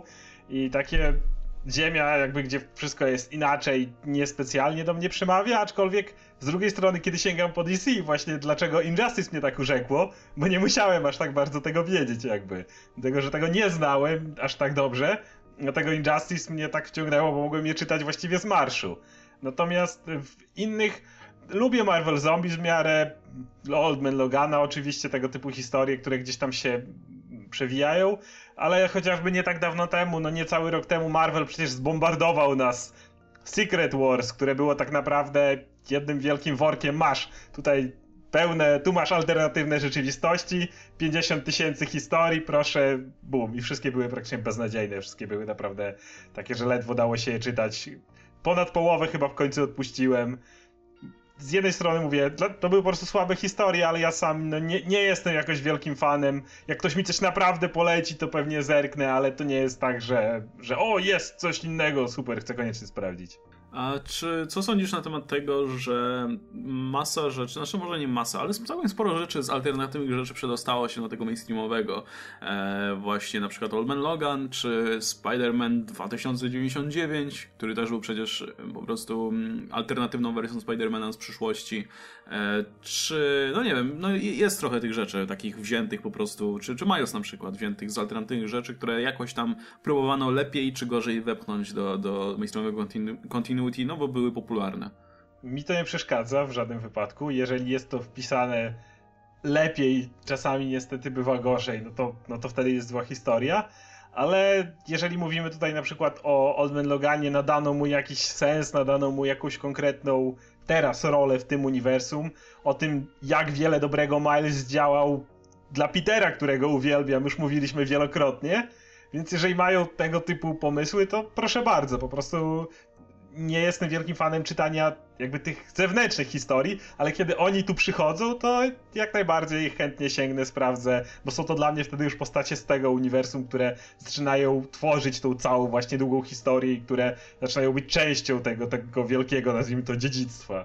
E, Adam, czy w DC jest coś, czy jest jakiś, może nie imprint, tak jak to było w Marvelu, ale czy jest jakiś świat, który miałby ciut dłuższą historię, który byłby chociaż trochę czymś w rodzaju Ultimate Marvel? Czy czymś takim jest na przykład Ziemia 1? Tak, no, no jest kilka było takich prób. No przede wszystkim All Star Comics, gdzie wyszły All Star Superman, który był genialny i All Star Batman and Robin, który był niewyobrażalnie chujowy. To była pierwsza próba takiego jakby zrobienia wersji DC Ultimate Universe, gdzie masz uniwersum takie najbardziej esencjonalne dla postaci, które każdy może sięgnąć i każdy może zrozumieć, czemu ta postać jest taka świetna. No i Earth One to jest podobna próba, gdzie e, Earth One jak gdyby wychodzi troszeczkę z innych założeń. To są wszystko tylko i wyłącznie powieści graficzne, nie ma żadnych zeszytów, ale chodzi właśnie o podobny zabieg, żeby zachęcić nowych czytelników kompletnie, żeby poznali tę postać od zera. I przedstawić taką, może nie tyle najbardziej esencjonalną, jak to było w przypadku All Star, ale taką e, spójną, skondensowaną wersję postaci, żeby każdy mógł sięgnąć i zrozumieć o co chodzi w Batmanie, o co chodzi w Supermanie i tak dalej. A propos w ogóle skondensowanych wersji, to przypomniałem mi się jeszcze jedna rzecz, która jest bardzo ciekawa odnośnie Ultimate Comics, e, tego Marvelowego, że tam w zasadzie wszystkie postacie, czy to bohater, superbohaterowie, czy superwilani, wszyscy pochodzą z eksperymentów nad serą super żołnierza. E, dosłownie, wszyscy. E, oczywiście Kapitan Ameryka to wiadomo, ale, ale Venom, e, Hank Pym, Hulk. E, z Hulkiem jest w ogóle fajna historia, bo Bruce Banner sobie, e, pracował praktycznie całe życie nad odtworzeniem serum super żołnierza i za każdym razem po prostu wstrzykiwał to sobie i się zamieniał w Halka. Jak jakimś cudem udało się pozbyć tego z jego systemu, to tydzień później dalej sobie wstrzykiwał to samo i się zamieniał w Halka i wszyscy byli zdziwieni, więc... To jeszcze jakiego Halka? Bo to nie był taki zwykły Hulk. No tam było masa... Było kilku różnych Hulków w zasadzie w Ultimate Universe. On też się miał... trochę różnił charakterem. trochę. Pierwszy Hulk, pierwszy Hulk tak, to był ten taki horny Hulk. Hornik i, i, lubił sobie pod, Ale właśnie podgryźć też... ludzkie mięso. Ale to też jest ciekawe, że w Ultimate Universe Hulk w zasadzie... No może, może był jakiś krótki okres, ale przez większość czasu nie był w ogóle bohaterem. E, nawet, nawet w takim stopniu jak w mainstreamowym uniwersum też jest oczywiście masa ludzi, którzy, masa bohaterów, którzy nie lubią Hulka, albo się go boją, albo coś, ale tam zawsze był jako zagrożenie, albo jak taka broń, która po prostu w którymś momencie może ci wystrzelić w twarz, co też było w sumie e, dosyć ciekawe. O, właśnie X-Men w ogóle są efektem na przykład eksperymentów na serum, serum żołnierza, co było ciekawe, co, co wydaje się idiotyczne, to prawda, i trochę zabiera X-Menom w zasadzie ich esencję, to, że są po prostu ogniwem ewolucji, ale z drugiej strony fajnie też na przykład pokazano, jak świat na to reaguje, bo świat nienawidził mutantów właśnie za to, bo myśleli, że są żyć że działają tak samo jak mutanci w mainstreamowym uniwersum, a potem się okazało, że to jednak jest wynik działań ludzkich i wtedy się trochę sytuacja odwróciła. Także tak a propos, a propos tego, że tam jest trochę ciekawych pomysłów. E, to ja bym jeszcze chciał mm, poznać w takim razie e, wasze zdanie odnośnie tych takich chyba najpopularniejszych e, alternatywnych uniwersów, na przykład takich, które można których czytelnik w Polsce mógłby łatwo zdobyć. Na przykład, co sądzicie o takich, takich e, pozycjach jak na przykład Czerwony Syn, który jest jedną chyba z najbardziej popularnych e, właśnie wersji i który, powiem szczerze, że podchodziłem trochę do niego jak pies do jeża, bo z jednej strony Mark Miller, który nie ma najlepszego, nie ma, nie ma najlepszej opinii, kiedy ma się zająć historią, która ma być odrobinę subtelna przynajmniej i która nie jest po prostu jedną wielką rozpierduchą. No a z drugiej strony te, też no, było sporo alternatywnych Supermanów i czemu miałbym czytać o tym? E, a okazało się, że to była całkiem ciekawa lektura, która w zasadzie nie straciła tej esencji Supermana. Co, co, wy uważacie? Ja bardzo lubię Czerwonego Syna. Podoba mi się przez to, że jak gdyby daje tym bohaterom głębie e, i nie ma po prostu bohaterów złych i dobrych w tej historii. Każdy z nich ma określony powód, dla którego znalazł się w odpowiednim miejscu i i określony ark, czy jak gdyby określoną e, historię, którą prze... określoną drogę, którą ma przejść przez całą opowieść. E, I e, nie wiem, czy wiesz, taka ciekawostka, na ten słyszałem, nie jestem pewien, ale mm, nie, nie zrobiłem dokładnego researchu na ten temat, ale nie wiem, czy wiesz, Grant Morrison pomagał przy pisaniu Red Son, jeśli chodzi o te wielkie kosmologiczne mhm. rzeczy, na przykład samo zakończenie czy początek. I to widać, no, tak szczerze to mówiąc. To naprawdę śmierdzi Morrisonem w kilku momentach, nie Millarem. Jak się wręcz dziwiłem, jak pierwszy raz czytałem, że to Millar napisał. E, ale podoba mi się też. No, oczywiście jest kilka goofy momentów, takich trochę dziecinnych, gdzie byłeś całe Green Lantern Core w wersji Red Sun, czy ten Bizarro. To są takie elementy. O, okej, okay, okej. Okay. To, to już jest troszeczkę. To już jest troszeczkę przesada. Ale myślę, że to jest e, fajna historia, która bierze bohaterów, których znamy doskonale, których wiemy, jak się będą zachowywać i tak dalej, i kładzie ich w zupełnie dziwnej, niespotykanej sytuacji, w której nigdy by się nie mogli znaleźć w mainstreamowym uniwersum. I myślę, że w mainstreamowym uniwersum, nie uniwersum, Jezu. Eee, I myślę, że to jest właśnie główna siła Elseworldów, czy tych historii z alternatywnych ziem, czy coś takiego. Dlatego, że jest w stanie, tak samo jak e, Batman Red Rain. Nie wiem, czy czytałeś. Nie, nie czytałem. To jest historia, w której Batman staje się dosłownym nietoperzem, walczy z Drakulą, jest ugryziony i zmienia się w nietoperza. I hmm. potem morduje cały świat. Jako, że okay. jest naj, wiesz, najgenialniejszym człowiekiem na Ziemi i jest przy okazji teraz krwiożerczą bestią. I e, to jest historia, której nie mógłbyś mieć w regularnym uniwersum w jakikolwiek sposób. Jest to po prostu niemożliwe do realizacji. Natomiast Elseworldy umożliwiają takie spojrzenie na charaktery bohaterów e, w zupełnie nowym świetle. Ja Czerwonego Syna też lubię, natomiast to nie jest też coś, co jakoś tam wyjątkowo mnie jakoś powaliło na ziemię, czy coś takiego, bo czytałem o tym, jak to jest genialne, jak to jest genialne i w końcu kupiłem i przeczytałem i tak podobało mi się, ale bez jakichś większych zachwytów. Aczkolwiek podobało mi się to zakończenie, które zmieniało mocno całą mitologię Supermana i, i były te całe podróże w czasie i taka sama spełniająca się taka przepowiednia. To było całkiem spoko, ale mówię, jakoś to nie jest, nie, wi nie wiadomo jaki zachwyt dla mnie. E, to ja mam pytanie do Oskara w takim razie, bo jeśli ktoś jest e, czytelnikiem świeżym Marvela, to prawdopodobnie szybko mu się rzuci w oczy to, że e, jest wiele wersji przyszłości w Marvelu i praktycznie każda tworzy jakąś tam alternatywną rzeczywistość. Czemu w Marvelu wszystkie, wszystkie wizje przyszłości są dystopijne i w ogóle ludzie przegrali i jest ogólna, ogólna żałoba?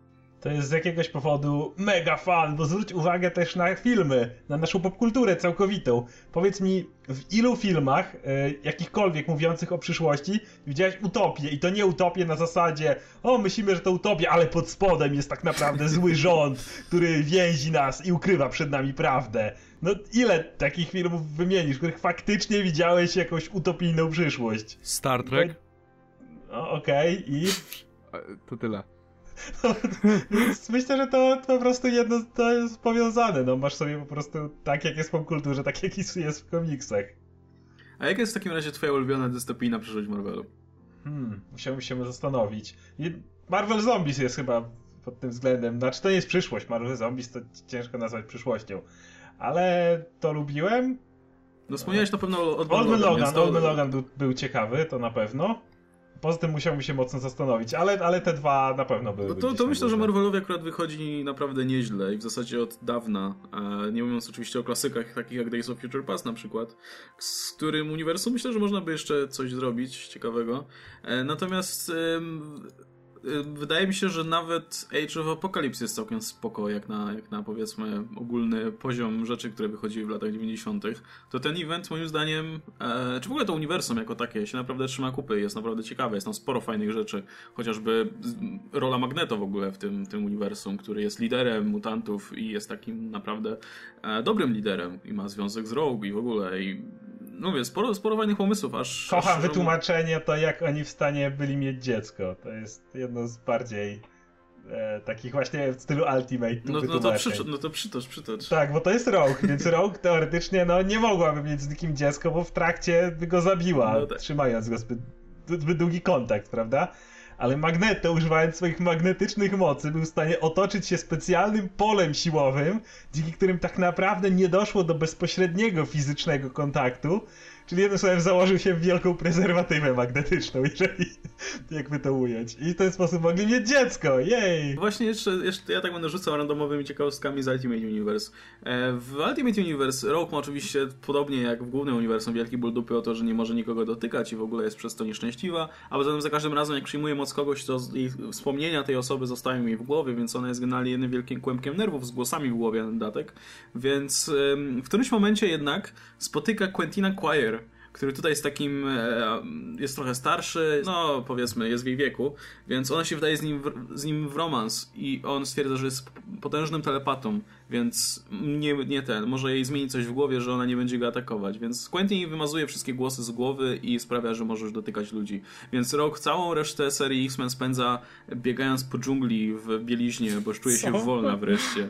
Serio. Zawsze można. Co jest pewnie jakimś odniesieniem do tego, jak też Savage Land u boku Magneto latała tak, tak, w porwanych tak, ciuchach, bo, bo to lata 90. Bo też, by the way, w momencie, w tych, w tych X-Men, e, ta dżungla, w której żyją X-Men, bo mm, e, tak jak mówiłem, oni zostali przeniesieni na taki wielki wasteland i tam udało się wyhodować ziemię, te, te, te nasiona, z których wyhodowali e, rośliny i cały las i tak dalej, są tak naprawdę żywe, więc Rok ma z nimi e, połączenie jakieś mentalne.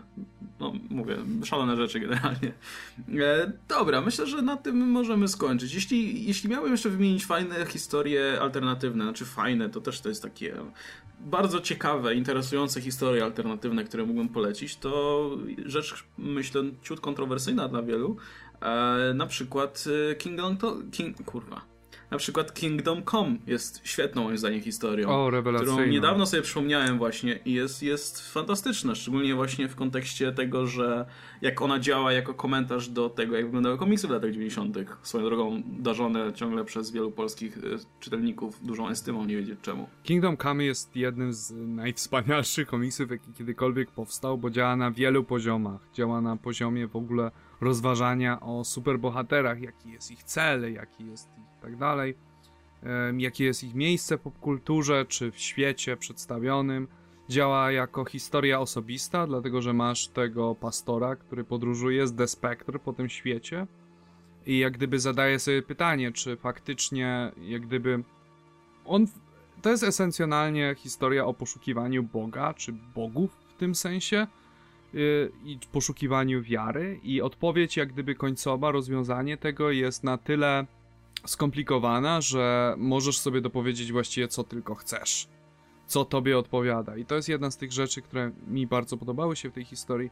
Podoba mi się też to, jak działa to właśnie jako komentarz na lata 90., dlatego że autorzy Kingdom Come, Mark Waid szczególnie, nienawidzili lat 90. i Magog to jest praktycznie Cable i Cable z rogami. Jakbyś dodał y, rogi Cable'owi i zrobił mu go tak bardziej, nie wiem, y, prymitywnym, czy bardziej takim zwierzęcym, to to by już wyszedłby ci Magog.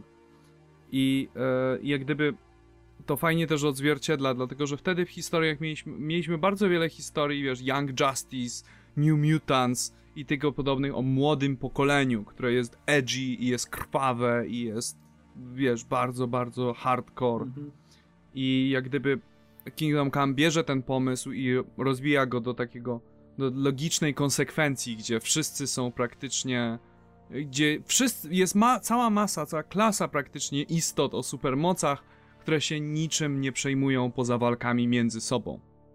I tylko po prostu są kłopotem dla ludzkości. E, I nie, generalnie ja nie rozumiem krytyki Kingdom Come, która w tej chwili po latach przychodzi i odnoszę wrażenie, że to jest komiks, do którego musisz mieć troszeczkę kontekstu, znać e, historię tych postaci i znać historię komiksu w tym momencie, kiedy był wydawany i wtedy możesz go chyba dopiero w pełni docenić. Okej, okay. no dobra, to i na sam koniec jeszcze, jeszcze słówko o, bo może, może ktoś to poda w komentarzach i będzie mi głupio, że o tym nie wspomniałem, ale jeśli chodzi o Marvela, to było jeszcze jedno takie mm, dziwne e, uniwersum alternatywne, które też powstało w latach 90., tylko w, trochę później, który się nazywał MC2. Marvel Comics 2. Mhm. Ktoś nie mógł rozszyfrować tego skrótu.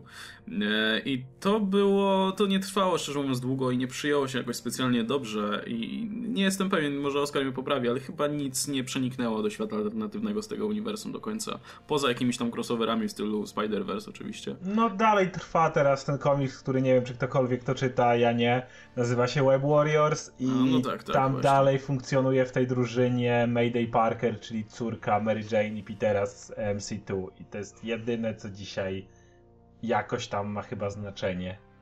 Ale, ale gdyby ktoś był ciekaw o co chodzi w ogóle w tym, czym ono się różni za bardzo, no to jest y, uniwersum, w którym po prostu superbohaterowie zaczęli się pojawiać na Ziemi 15 zdaje się lat wcześniej, czyli e, w obecnych czasach e, są już tak jakby raczej następcy tych bohaterów, których znamy z mainstreamowego uniwersum. I tyle w zasadzie. Można by spokojnie po prostu wziąć u- uniwersum mainstreamowe, osadzić je w przyszłości bliskiej Tak. i na to samo by wyszło, no ale, ale wtedy była widocznie moda na tworzenie alternatywnych uniwersów. Było Nie. tego jeszcze więcej, był Earth X na przykład. Właśnie myślałem, że wspomnisz o Earth X, które było jakby taką odpowiedzią na Kingdom Także- Come. Tych, tych, tych ma małych takich uniwersów, w którym działo się trochę więcej historii, było trochę Marvelu, ale chyba poza Old Man Logan i Ultimate żadne nie ma dzisiaj tak naprawdę już żadnego jakiegoś wpływu. No sorry, jeszcze Age of Apocalypse oczywiście tak, nawet parę z y, tych temu e, zeszytów bili się z Sugarmanem. Więc tak, e, Age of Apocalypse ma jakieś tam swoje przebrzmienia, ale to, to są takie skrawki, raczej reszta gdzieś tam zniknęła. No właśnie. Eee, o RTX nie wspominałem, bo szczerze mówiąc nie czytałem jeszcze nigdy RTX. A nie wiem, czy warto w ogóle. Nie. Nie. Tak sobie. A, a, czy możecie krótko powiedzieć o co chodzi w tym uniwersum? Bo ja oczywiście o nim słyszałem i wiem, że Alex Ross tam przykładał największą e, właśnie rolę, znaczy Alex Ross tam pełni największą rolę, jeśli chodzi o kreację tego uniwersum, ale samej serii jeszcze nie czytałem. Zdaje się, że to miało jeszcze jakieś sequele i tak dalej, także chyba jakąś popularnością się cieszyło. To jest, zdaje się, świat, w którym wszyscy są Inhumans, Nie Inhumans, ale mają super moce. No, to coś takiego. ale to no. jest powiązane z Inhumans, Tak, dlatego tak. że jest ten wybuch Terragen i wszyscy dostają supermoce i superbohaterowie tym samym stają się bezużyteczni i zwyczajni i normalni. I chyba jedyną osobą, która nie ma supermocy jest Tony Stark, który w tym czasie był w zbroi. I Więc masz był dosłownie, uchroniony wyobraź sobie samym. każdego, każdego bohatera, którego znasz z Ziemi, który normalnie nie ma żadnych supermocy, na przykład Moon Knight, to w tym uniwersum on jest jakiś tam niezniszczalny, bo ma jakiś tam inhalowany coś tam, już nie pamiętam dokładnie jak to było z Moon Knightem, wygląda jak taka chodząca mumia generalnie zawinięta w bandaże. I masz wszystkich możliwych właśnie tych bohaterów, którzy nie mieli mocy, teraz mają moce, ale jakby co z tego, bo wszyscy mają moce. A wszyscy ci tacy klasyczni superbohaterowie jak Wolverine, Peter Parker czy tak, da- czy tak dalej, to są tacy troszeczkę słabi i żałośni i w ciężkiej depresji, że są bezużyteczni. Na przykład e, Wolverine jest żłobem fotelowym, który siedzi, Tak. ogląda telewizję i pije piwo. E, Okej, Peter Parker zdaje się ciekawie. jest po prostu policjantem i nic i tak, tylko jest, jest tyle. policjantem, tak, nic więcej, nic No. innego. I to też tak, jesteś policjantem w świecie, w którym wszyscy mają supermoce, nie? No. Ale to nie jest jakoś dobrze napisane, uważam. To nie, nie, nie, ja nie miałem z tym jakichś wielkich super wspomnień. To znaczy, to jest jeden interesujący pomysł, który został przeciągnięty przez ileś tam zeszytów i się robi szybko nudne, bo po prostu już nie jesteś w stanie łatwo przewidzieć, co będzie dalej. O, wiem, jeszcze chcę powiedzieć, y, Marvel miał jeden, który mi się podobał, 1602. O, to też jest popularna i ciekawa rzecz, tak? 1602 to y, bohaterowie Marvela w elżbietańskiej Anglii. E, chociaż nie do końca Anglii, ale jest tam sporo tych nawiązań i uważam, że akurat tam bardzo ciekawie to zrobili, chociaż też zostało to przeciągnięte i też później było nudne. Natomiast e, idea jest taka na przykład, że mutanci są nazywani tam Hellspawn, jeżeli się nie mylę. Generalnie chcą ludzie ich palić na stopcach jako pomiot piekielny. Masz na przykład Nikolasa Fury'ego, który jest e, nadwornym szpiegiem, wiecie, głównym tam królowej. Nadworny oczywiście medyk to Steven Strange. E, e, pra, prawa ręka Nikolasa to Peter. On się fajnie nazywa. Partyr, jakoś inaczej. To zupełnie inna postać. Ale jest na przykład niewidomy minstrel, który chodzi po karczmach. Matthew, tam. Oni mają trochę zmienione nazwiska, to nie jest do końca Mardok. I, I osadzenie postaci w, e, właśnie w tamtych czasach było bardzo ciekawe. Później to zaczęli jakoś tak głupio przeciągać. bo było, bardzo podobało mi się to na przykład, że co chwila pojawiał się jakiś pająk, który miał ugryźć Petera. I na przykład podchodził karczmasz i jedź ty poch i go zgniatał, nie? I ktoś tam inny pająk i tutaj, o uważaj chłopcze! I go odganiał. I miałeś ten cały czas dowcip, który idzie z tym, ale później Peter w końcu został ugryziony, zmienił się, Hulk się pojawił i w końcu zacząłem to tak już wciskać to na siłę, natomiast w tym pierwszym, w tej pierwszej wersji to było całkiem niezłe. No dobra, w takim razie myślę, że na tym możemy ten temat alternatywnych uniwersum zakończyć, bo można by szczerze mówiąc o nich jeszcze rozmawiać i rozmawiać, bo jest ich jeszcze dużo więcej. E, natomiast e, zostały nam tutaj jeszcze nowości komiksowe, a że mamy sporo nowych rzeczy z DC, no to proponuję przejść do tego. I zacznę może od nowego, zanim przejdziemy do rzeczy z Rebirth, e, w zasadzie no wszystkie są z Rebirth teraz, ale zanim przejdziemy do tych one-shotów Rebirthowych, to bym zajął się najpierw tymi seriami, które, mm, które są regularne powiedzmy. Więc zacząłbym od Action Comics, bo to jest komiks, który mi się kompletnie nie podobał na przykład, więc sobie najpierw ponarzekam a. trochę.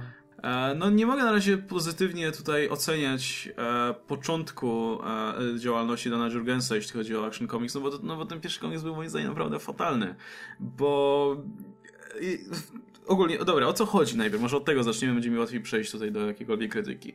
Więc e, mamy Lexa Lutora, który pojawia się w Metropolis i stwierdza, że z racji tego, że Superman zginął bohaterską śmiercią a, i był jego największym przyjacielem, no to on teraz przejmie te, te jego, jego, znaczy uhonoruje w jakiś sposób tutaj śmierć Supermana i stanie się on właśnie obrońcą Metropolis. E, no i widać, że uwielbia to robić po prostu, bo w zasadzie Lex Luthor spędza pół, pół tego zeszytu na konferencji jakiejś prasowej, gdzie unosi się nad ziemią i tłumaczy, jak bardzo lubi Supermana. E, w tym samym czasie te, te, te wszystko, co się dzieje, obserwuje Superman, ten pre-flashpointowy, który do tej pory, który tutaj trafił właśnie z Convergence. No, Convergence. No i on widzi tego Lutora i mówi o fuck, tyle, tyle czasu się ukrywałem, ale do tego to już nie wytrzymię i teraz założę mój strój Supermana i lecę mu na kopię do tyłka. No ale to mniej więcej to samo stwierdza i, i Lois mówi ej, ale wiesz, mieliśmy się ukrywać w ogóle. Nieważne, muszę mu nakopać, bo to jest Lex Luthor, ja mu nie ufam. Ty też mu nie ufasz, nie, nie mów, że, go, że mu ufasz. No i Superman leci do tego Lexa Luthora, który jest cholernie oczywiście zdziwiony, że pojawia się przed nim Superman. No i, no i Superman chce mu nakopać do tyłka, po prostu szuka pretekstu, żeby, żeby tylko coś powiedzieć, żeby mógł mu nakopać do tyłka. No i, no i z racji tego, że Lex nic takiego nie mówi, no to Superman stwierdza, dobra, to tutaj możemy porozmawiać, ale najpierw zdejmij ten tarczy, którą nosisz, bo Lex Luthor ma taki wielki power suit z napisem S, oczywiście z tarczą i logo Supermana. Więc on musi zdjąć to i oddać mi pelerynę. Alex mówi, no sorry, ale nie. E, no i Superman zaczyna go tam okładać, zaczynają się bić i tak dalej. I na końcu mamy cliffhanger, który sprawił, że w sumie nie jestem zbyt podekscytowany. Stwierdziłem, o nie, znowu. Może, może nie będę tego psuł, niech każdy się rozczaruje na swoją, swój ten rachunek. Natomiast czytałem ten zeszyt i sobie myślę, że kurde, w poprzednim zeszycie to był Superman, a tutaj no to, to, to nie brzmi jak doświadczony Super, tak, tak nie zachowuje się doświadczony Superman, który przeżył tyle, ile on przeżył, który ma doświadczenie, który wie generalnie jak się zachować, który jest no, który nie używa, który, którego nie, priorytetem nie jest przemoc i to, żeby nakopać do tyłka Aleksowi Luthorowi, bo go nie lubię i na pewno coś knuje. Tak, tak by nie zrobił Superman chyba. Znaczy Więc... ja odnoszę wrażenie, że to ma być właśnie doświadczenie starego Supermana, dlatego że Superman spred, przez przed Flashpointu był ewidentnie zły. Nie było, nikt nie miał wątpliwości, że Lex Luthor to są problemy, natomiast Lex Luthor tak, z New 52 to jest taki, wiesz, troszeczkę bardziej szary. O, on czasami jest dobry, czasami zły. Louis mówi wyraźnie, sprawdzaliśmy go, nic nie znaleźliśmy. To jest powiedziane, wiesz, wyraźnie. On mówi, nieważne. To Luthor. I tak mu nie wierzysz, to jest Luthor, na pewno coś ktuje. Ty... No ale ja, ja bym kupił zdecydowanie nieufność Supermana, albo niechęć nawet. Mhm. E, zresztą poprzedni Superman też nie był specjalnie tutaj przyjacielskim względem Lexa Luthora nie. do samego końca. E, I to grało, no. Ja, ja chętnie bym w ogóle widział Lexa Luthora jako jako, gościa, który faktycznie nic nie knuje, tylko chce robić dobrze. O kurwa, chce robić dobrze. Który po prostu chce, chce, chce bronić ludzkości, chce bronić Metropolis, ale jednocześnie uwielbia tę swoją sławę i, i, i, wydaje się, że coś może coś tam na boku kombinować. Ale nie od razu rzucać Supermana do, do, wiesz, do pięści, żeby mu nakopać do tyłka, bo mu nie ufam i tak dalej. No, nie, nie kupuję po prostu tego. To był taki zryw, po prostu siedzi Superman, ogląda telewizor i taki o nie, nie, nie i biegnie i po prostu goli się tym swoim super laserem, odbija, odbity z tego. Dobra, dobra. To nic, to nic jak tam były wielkie wojny, jak, jak była walka z antymonitorem jak y, Superman ginął, no dobra, na końcu się pojawił, ale nie, Lex Luthor teraz, dobra, to za wiele, już lecę. Nie, to było takie też dziwne i, i zakończenie, Boże, zakończenie. Dla mnie to był wielki, gigantyczny throwback do lat 90. Także jeśli chodzi o poziom pisania. Dlatego, że oglądał w telewizji Lexa Luthora i stwierdził, że nie, ja idę tam. Nie wiem, czy pamiętacie, e, jeden z powodów, dla których e, Doomsday wyruszył w latach 90. w oryginalnej historii, jeden z powodów, dla których Doomsday wyruszył do Metropolis, jest taki, że chodził sobie po ulicy, widział jak gdyby wystawę z telewizorami, zobaczył wielkie walki wrestlingowe w Metropolis i stwierdził, że o tak, to tam się można dobrze pobić. Tak, Prawda. Więc tak ja jakby mam straszne jak gdyby flashbacki, negatywne i pozytywne z lat 90. Dlatego, że z jednej strony tak, jak gdyby mam rozrywkę z tego, jak to czytam. Jestem ciekaw, co będzie dalej, ale z drugiej to nie jest zbyt dobre. Ale ciekawi mnie za to relacja między Clarkiem Kentem i e, Supermanem, dlatego że nie wspomnieliście o tym, że w tym zeszycie także pojawia się nowy Clark Kent, który nie jest tym pre-flashpointowym Supermanem. I jest podejrzenie, czy też jest wręcz powiedziane prawie wprost, że jest to ten mm, New 52 Superman, tylko że pozbawiony swoich mocy. Który będzie udawał Clarka Kenta, czy nie wie, że jest Supermanem? To znaczy wie, że Jak jest. myślisz? To znaczy myślę, że myślę, że ma całe wszystkie swoje wspomnienia, Mhm. tylko że z racji tego, że be- i później będzie jakieś wyjaśnienie bullshitowe, jak on wrócił, tylko że będzie pozbawiony swoich supermocy i to będzie wyjaśnienie, w jaki sposób e, świat e, nie Znowu będzie. Wierzy, tak. Znowu wierzy w to, że Clark Kent nie jest Supermanem, dlatego że no tutaj jest Clark Kent i nie jest Supermanem, a tam na niebie lata Superman. Okej, także rozumiem, że macie mniej więcej podobne mieszane uczucia. No, zobaczymy, co będzie dalej w takim razie. No i dobra, to przejdźmy sobie teraz do siostrzanej serii, czyli Detective Comics. E, I, I w zasadzie, właśnie, nawet nie powiedziałem, jaki to był zeszyt tego Action Comics. E, właśnie, Action Comics 957. Więc teraz będzie coraz trudniej podawać te zeszyty, niestety. No i przejdźmy sobie w takim razie do Detective Comics 934. Bardzo mi Jak się wam się podobało. podobał? Bardzo mi się O, bardzo. podobało. Bo to było takie bardzo. typowe zbieranie drużyny, co też mi się podobało, bo ja, ja, ja jestem, ja wiem, masa ludzi nie lubi historii w tym stylu, ale ja, ja bardzo lubię, więc bardzo mi się lubię. strasznie to fajnie czytało, mieliśmy przedstawionych bohaterów, e, strasznie, strasznie podobał mi się, miałem nie mówić strasznie, ktoś mówił, bardzo, bardzo mi się podobał e, ten, ten fragmencik z Clayface'em, który tam zostaje też O, zwerbowany. to było wzruszające. E, bardzo wręcz. wzruszające. Uwielbiam po prostu, kiedy, kiedy tacy długoletni wylani odnajdują tą ludzką stronę w sobie e, i, i poznaje się wtedy, wtedy ich z trochę innej strony. Bardzo mi się to podobało. Myślałem, że więcej postaci się pojawi w tym zeszycie, ale myślę, że i tak było ich całkiem sporo tutaj. Także nie narzekam. Mi również się podobało. To, Także że. Batman zaznaczył najważniejszą siłę e, Tima Drake'a, która była chyba trochę zapominana w New 52, więc wprowadzaniu do tej postaci to było też bardzo fajne. Nie do końca, znaczy podobało mi się to z Clayface'em, ale to była jakaś taka nagła zmiana, czy on już od jakiegoś czasu był taki bardziej pasywny? To znaczy, już od jakiegoś czasu był częściej manipulowany przez innych niż sam Okej. był aktywnym złoczyńcą. Okej, no bo ja go pamiętam tą całą jego tą tragedię i tak dalej, Mhm. tylko nie, nie wiedziałem, że on tak się już od jakiegoś czasu zrobił właśnie bardziej zrezygnowany.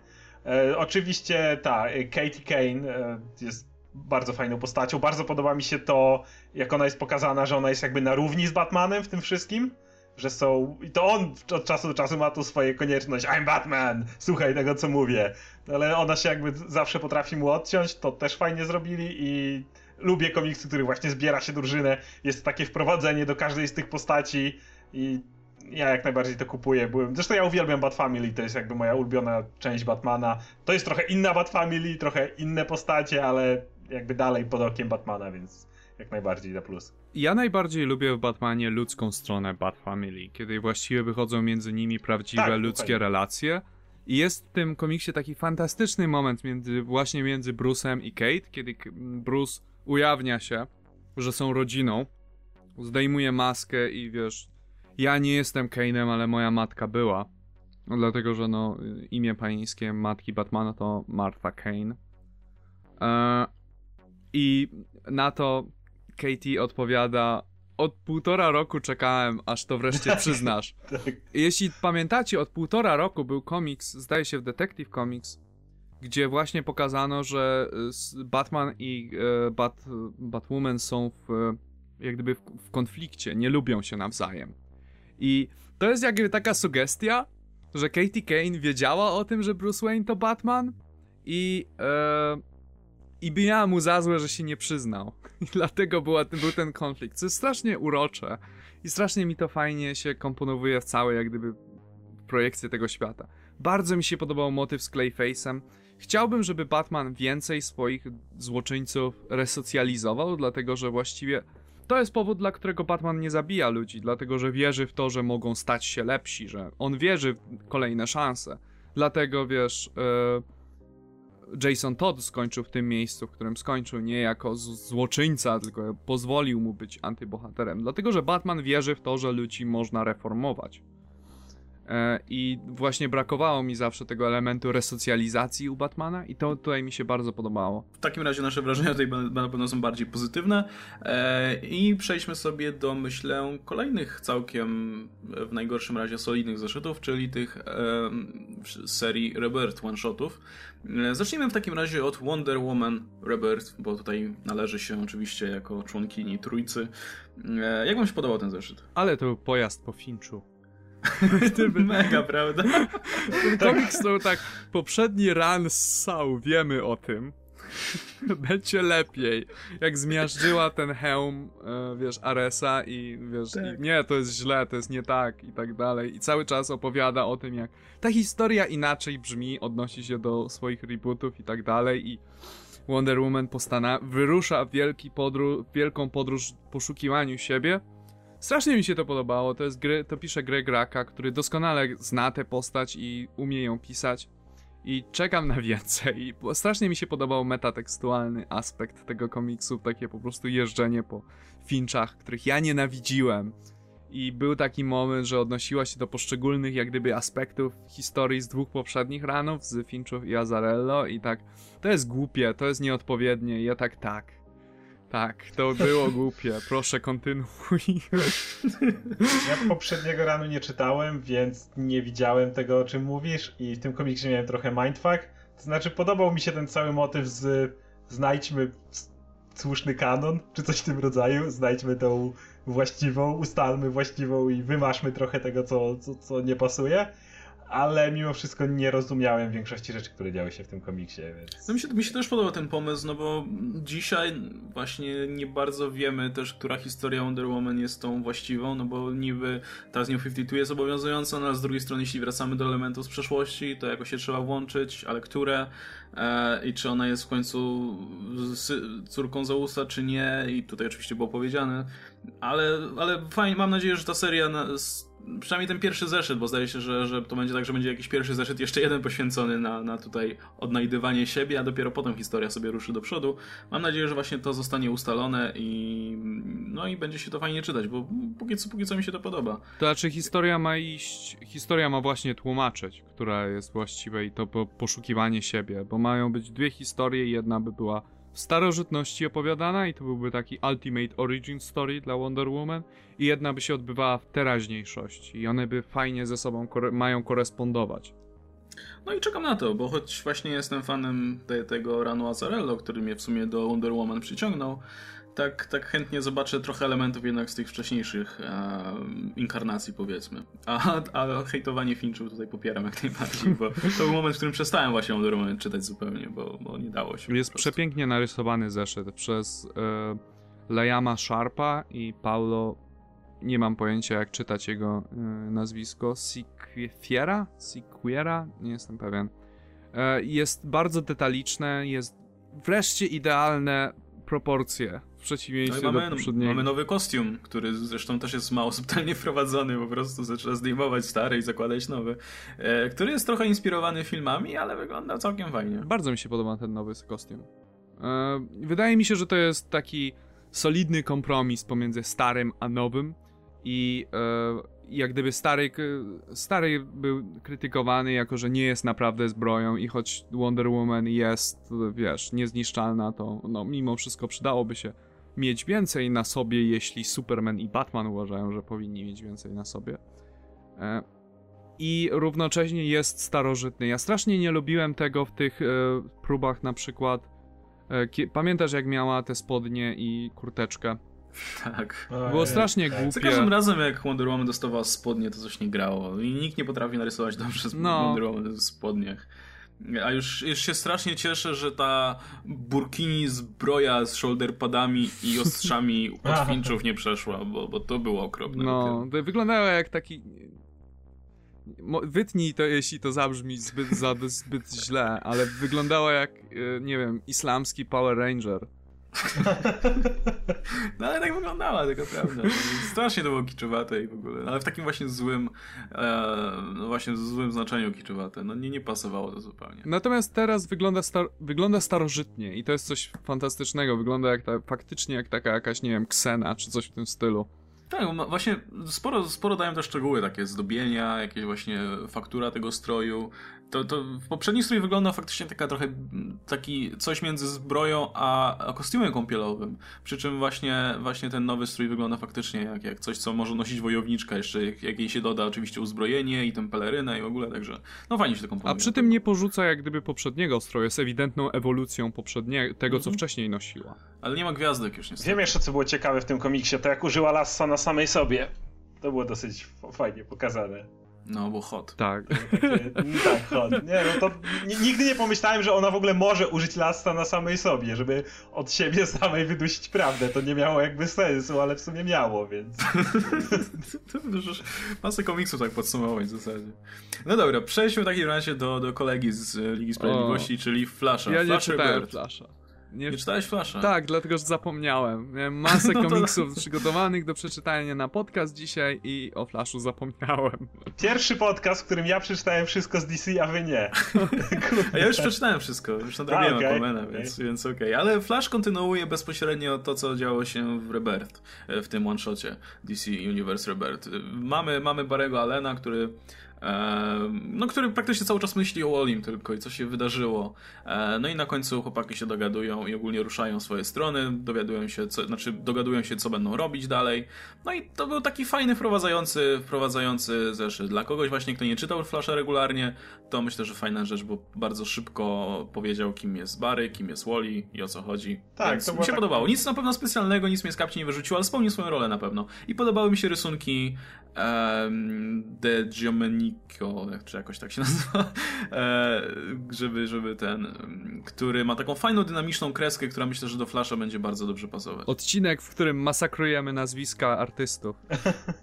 Ten komiks miał Ach. fragmenty nawet z tego Rebirth, które się pojawiło Przepraszam, dosłownie. e, Di Gian Domenico, o, tak się nazywa. Sprawdziłem, już nie będzie siary, więc... Były fragmenty z Rebirth bezpośrednio, no, słowo w słowo, to spotkanie Barego Wyciągnięcie przede wszystkim. Tak, i to, to wyciągnięcie. Ja powiem tak, jak zacząłem czytać ten komiks, to na początku mi się nie podobał. Miałem wrażenie, że skręcamy do tego, co było w New 52, gdzie po pierwszych, po dwóch zeszytach odłożyłem to. Natomiast i tak nie za bardzo wiedziałem, chwila, przecież tak ważna rzecz się stała, w którą stronę to idzie.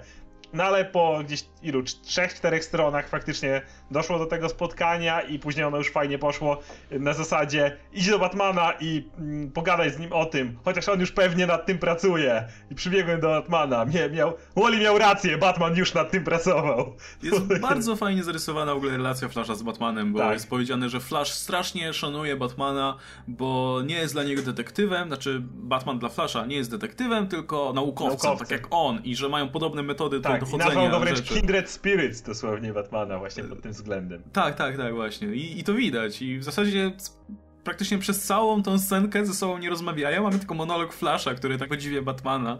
I na końcu Batman mówi, no, będziemy nad tym pracować razem. No i Barry jest taki szczęśliwy. Jej!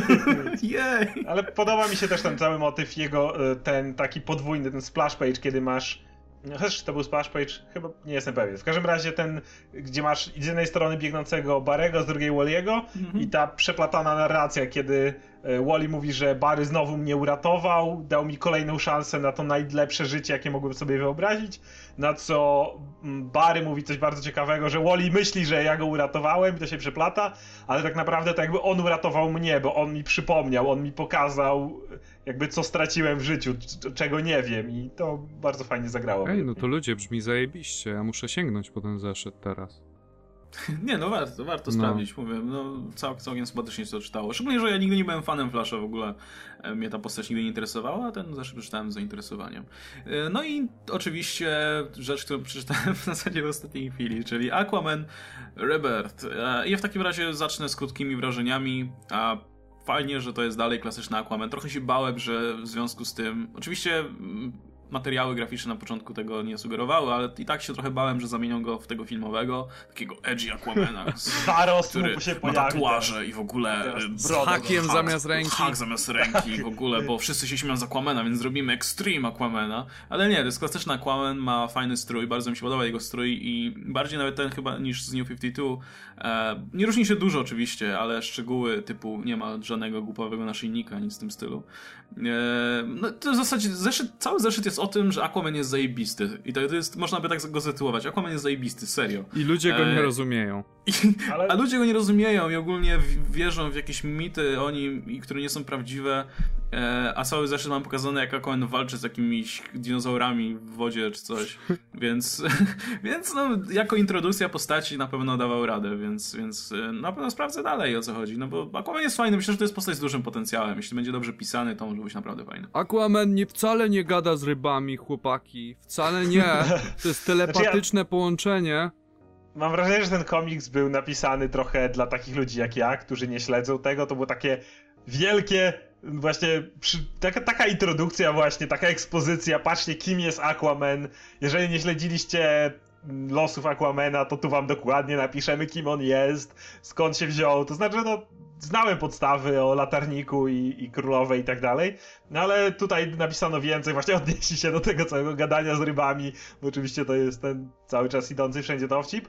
Więc y, mi się ten komiks bardzo podobał, dlatego że chyba temu ma służyć Rebirth, żebym taki ja mógł sięgnąć po o, Aquaman i czytać i wiedzieć o co chodzi, a jak nie, to mi na szybko powiedzą o co chodzi, więc uważam, że jako jedynka z Rebirth absolutnie spełnia swoje zdanie, więc mi się to bardzo podobało. Podobało mi się też to, że narrację prowadził Black Manta przez cały zeszyt i nie wiedzieliśmy... O fuck, chyba dałem spoiler za duży.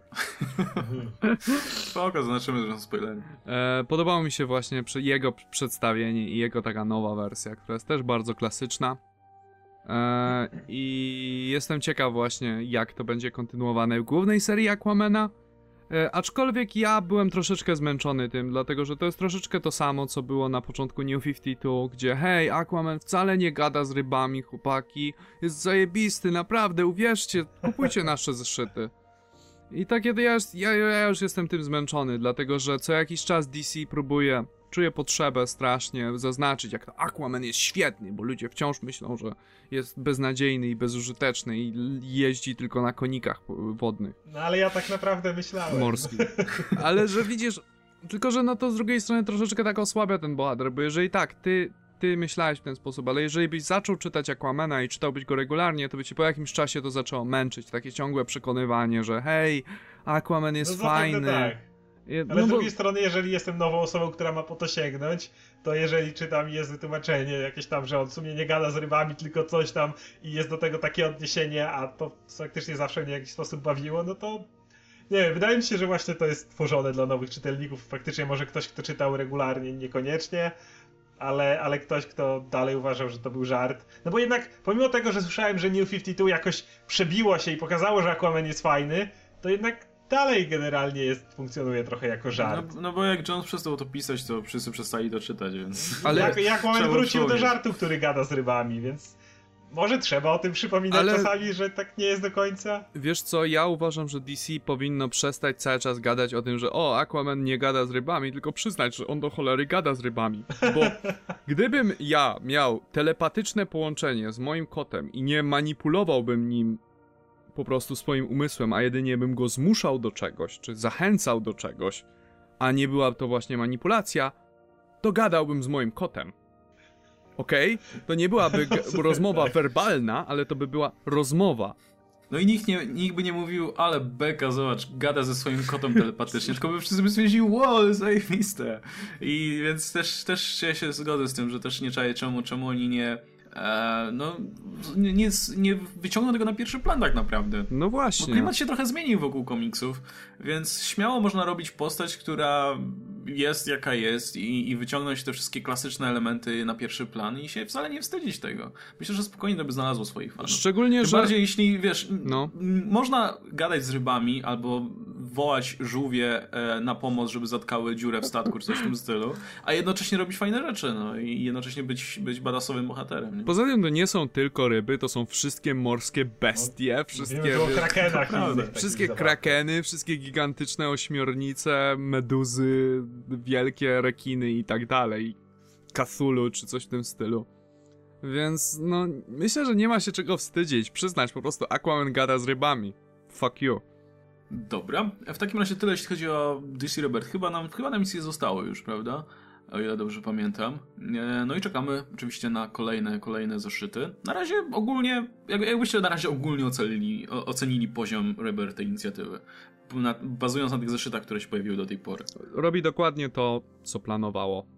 I tyle. Jak gdyby planowało, jak gdyby zapewnić starych czytelników, że tak, to jest stare uniwersum DC, możecie wrócić do czytania. I miało zachęcić nowych. I jak tu słyszę po reakcjach Oscara, jak gdyby oba zadania spełnia. Więc No ja jestem jak najbardziej Ja zadowolony. Nic do dodania tutaj. No mi się wydaje, że właśnie, że jako, jako właśnie z Oscarem mniej zaangażowani czytelnicy chyba nam się nawet bardziej te zeszyty podobają niż tobie, więc chyba o to, o to chodziło. E, A jednocześnie, jednocześnie w paru przypadkach właśnie widzę większy entuzjazm, kiedy coś starego wraca u ciebie, więc No. no, faktycznie, póki co daje, daje to radę. No i przejdźmy sobie w takim razie do dwóch pozycji, również związanych z DC, które są, tak jak omawiane w poprzednim odcinku Future Quest, alternatywnymi powiedzmy wizjami odnośnie uniwersum Hanna-Barbera.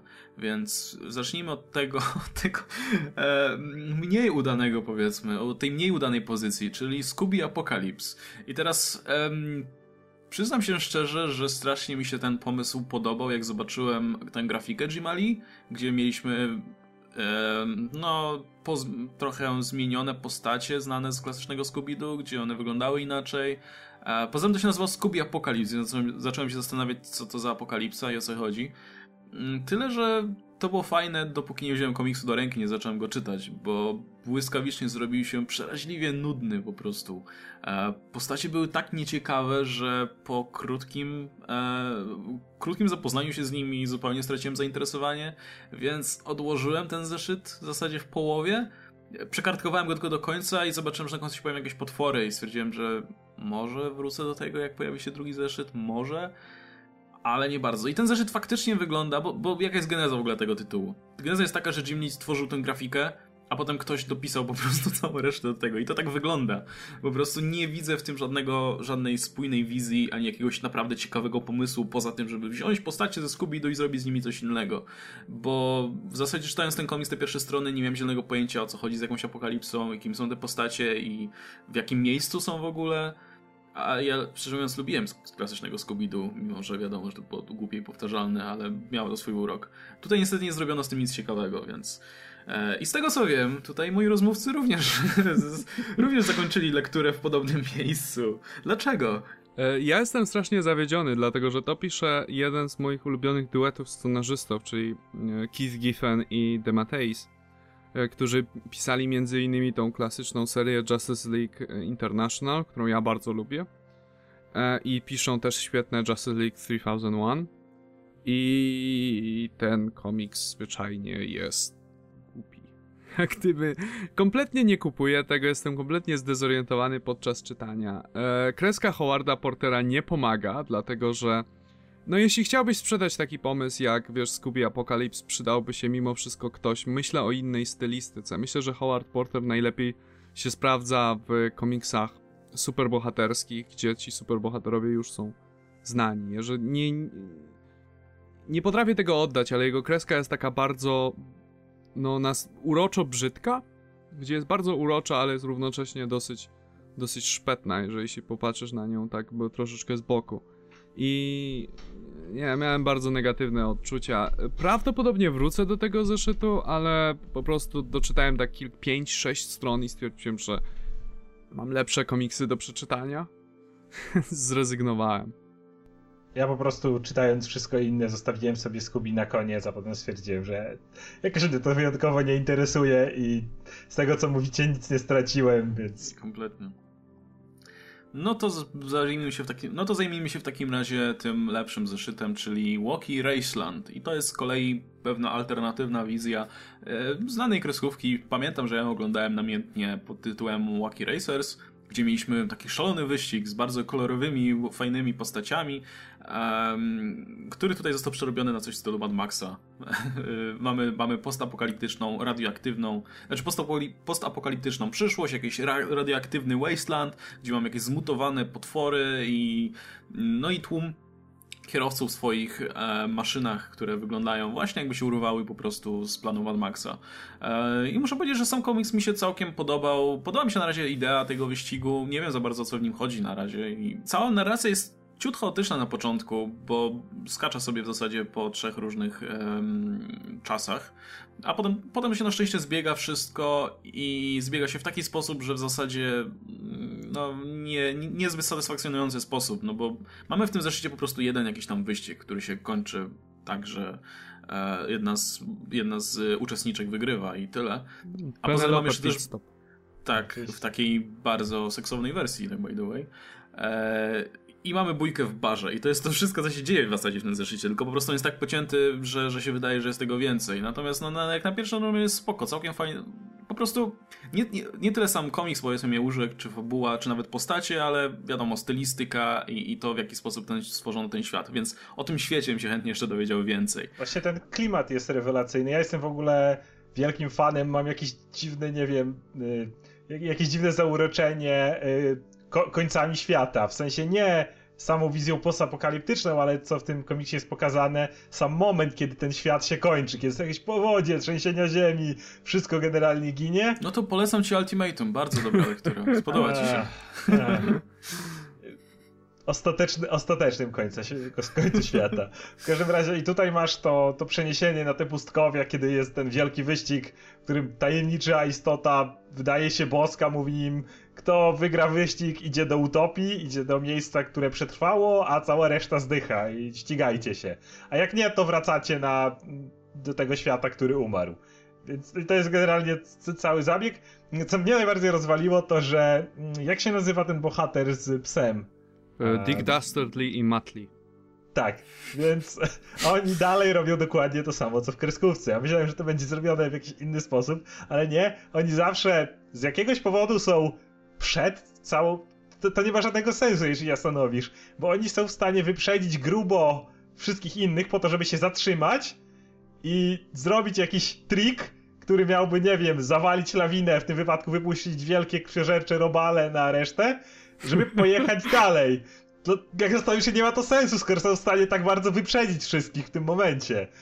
Ale to jest duch kreskówki zachowany, po prostu zmieniamy lawinę na właśnie krzyżecze robale, a reszta jest tak samo. Co innego miałbyś robić, jak się nazywasz Dick Dastardly? tak. Podoba mi się to, że zachowali wszystkie te imiona. Jak gdyby Penelopa Pitstop, Red Max, um, Sergeant, Bra Peter Sergeant Blast i Private Mikli, który tak. w ogóle jest trans w tej wersji. Tak.